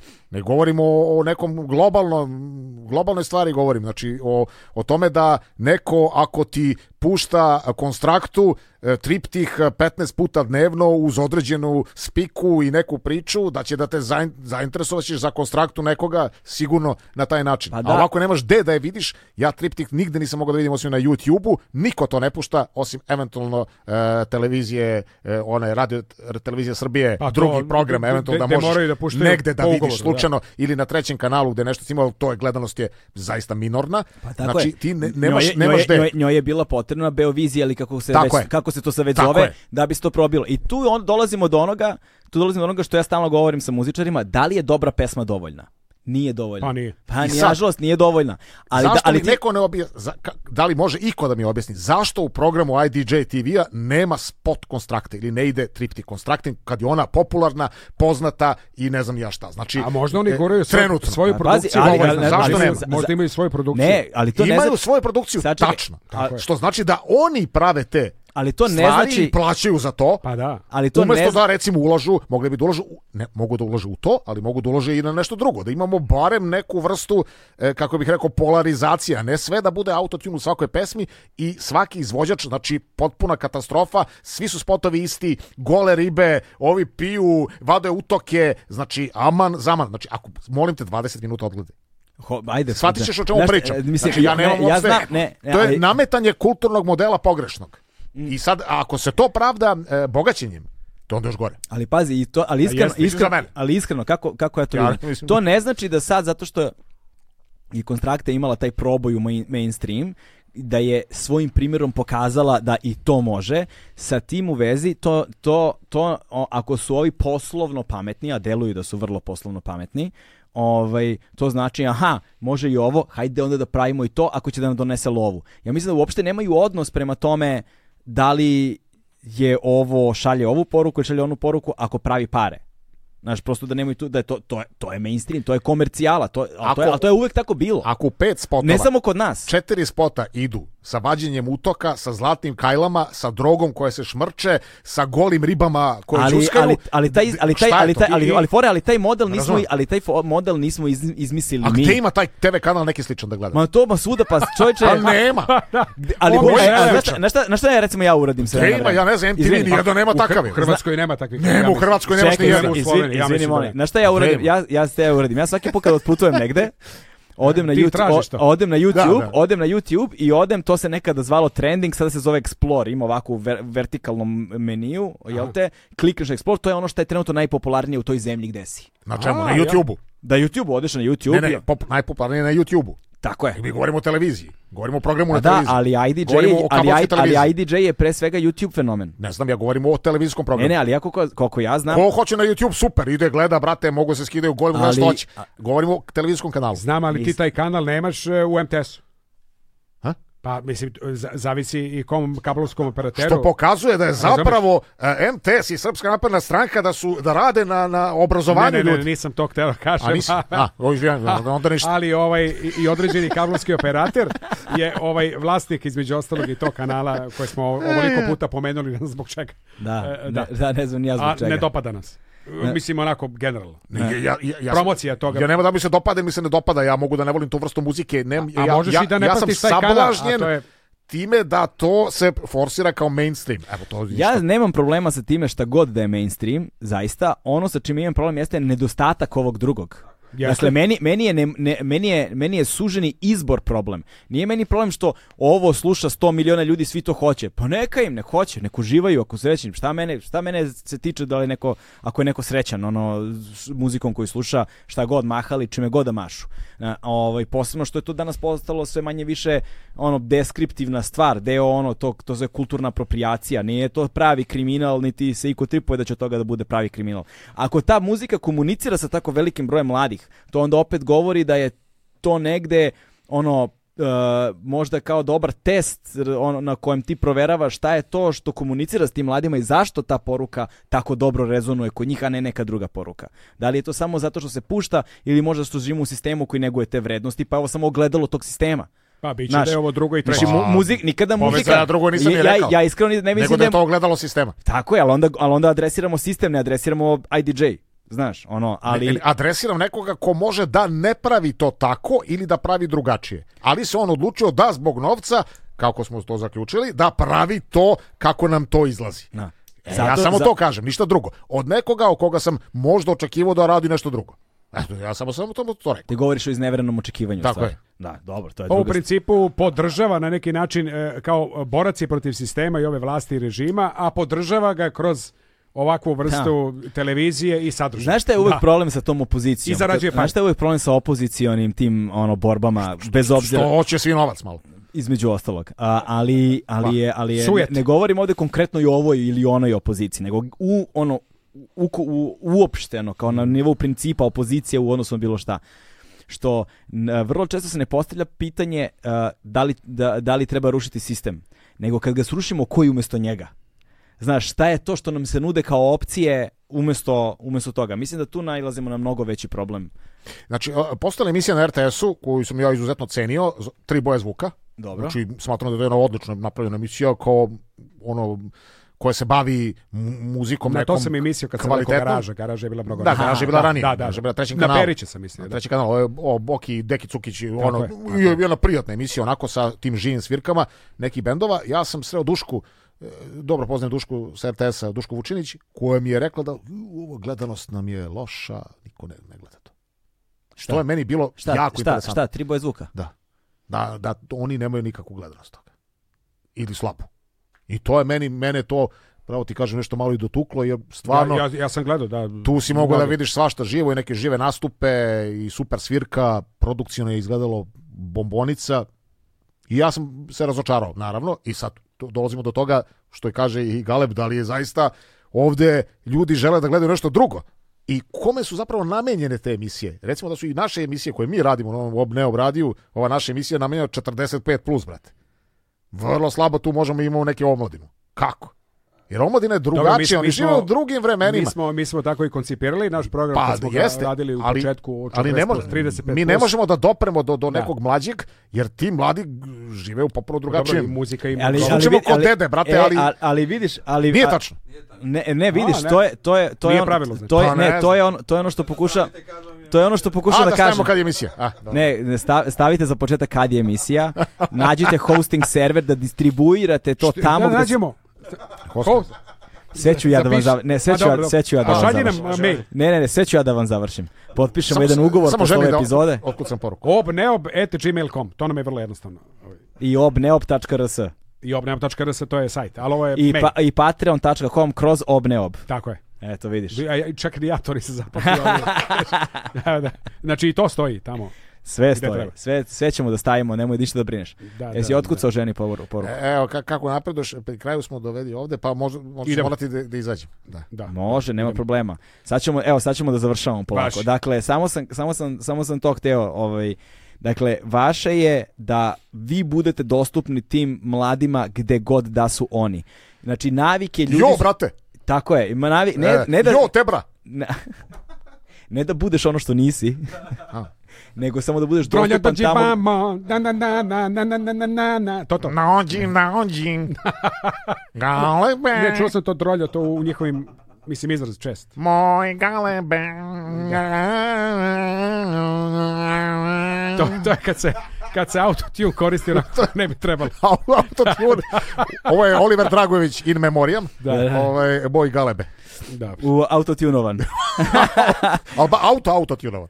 To. to. E. Ovaj, dakle, samo, samo uh, se vi pojavite tamo gde su oni i vidjet ćete kako će nam se promijeniti demografija. Ali kao morate da budete prisutni tamo. A gde se ulazi? Mislim, ja sam sutra izvoni, izvoni, idi, slušaj, zvoni, idi, ja slušaj, ja sam pravnu birotehničku imaš ovde. Slušaj, ja sam napravio. Stani sutra ispred flajere. Ne, nego stavimo slušaj, ja sam napravio, prema školi zvučnik. Slušaj, ja sam napravio pre neki dan TikTok.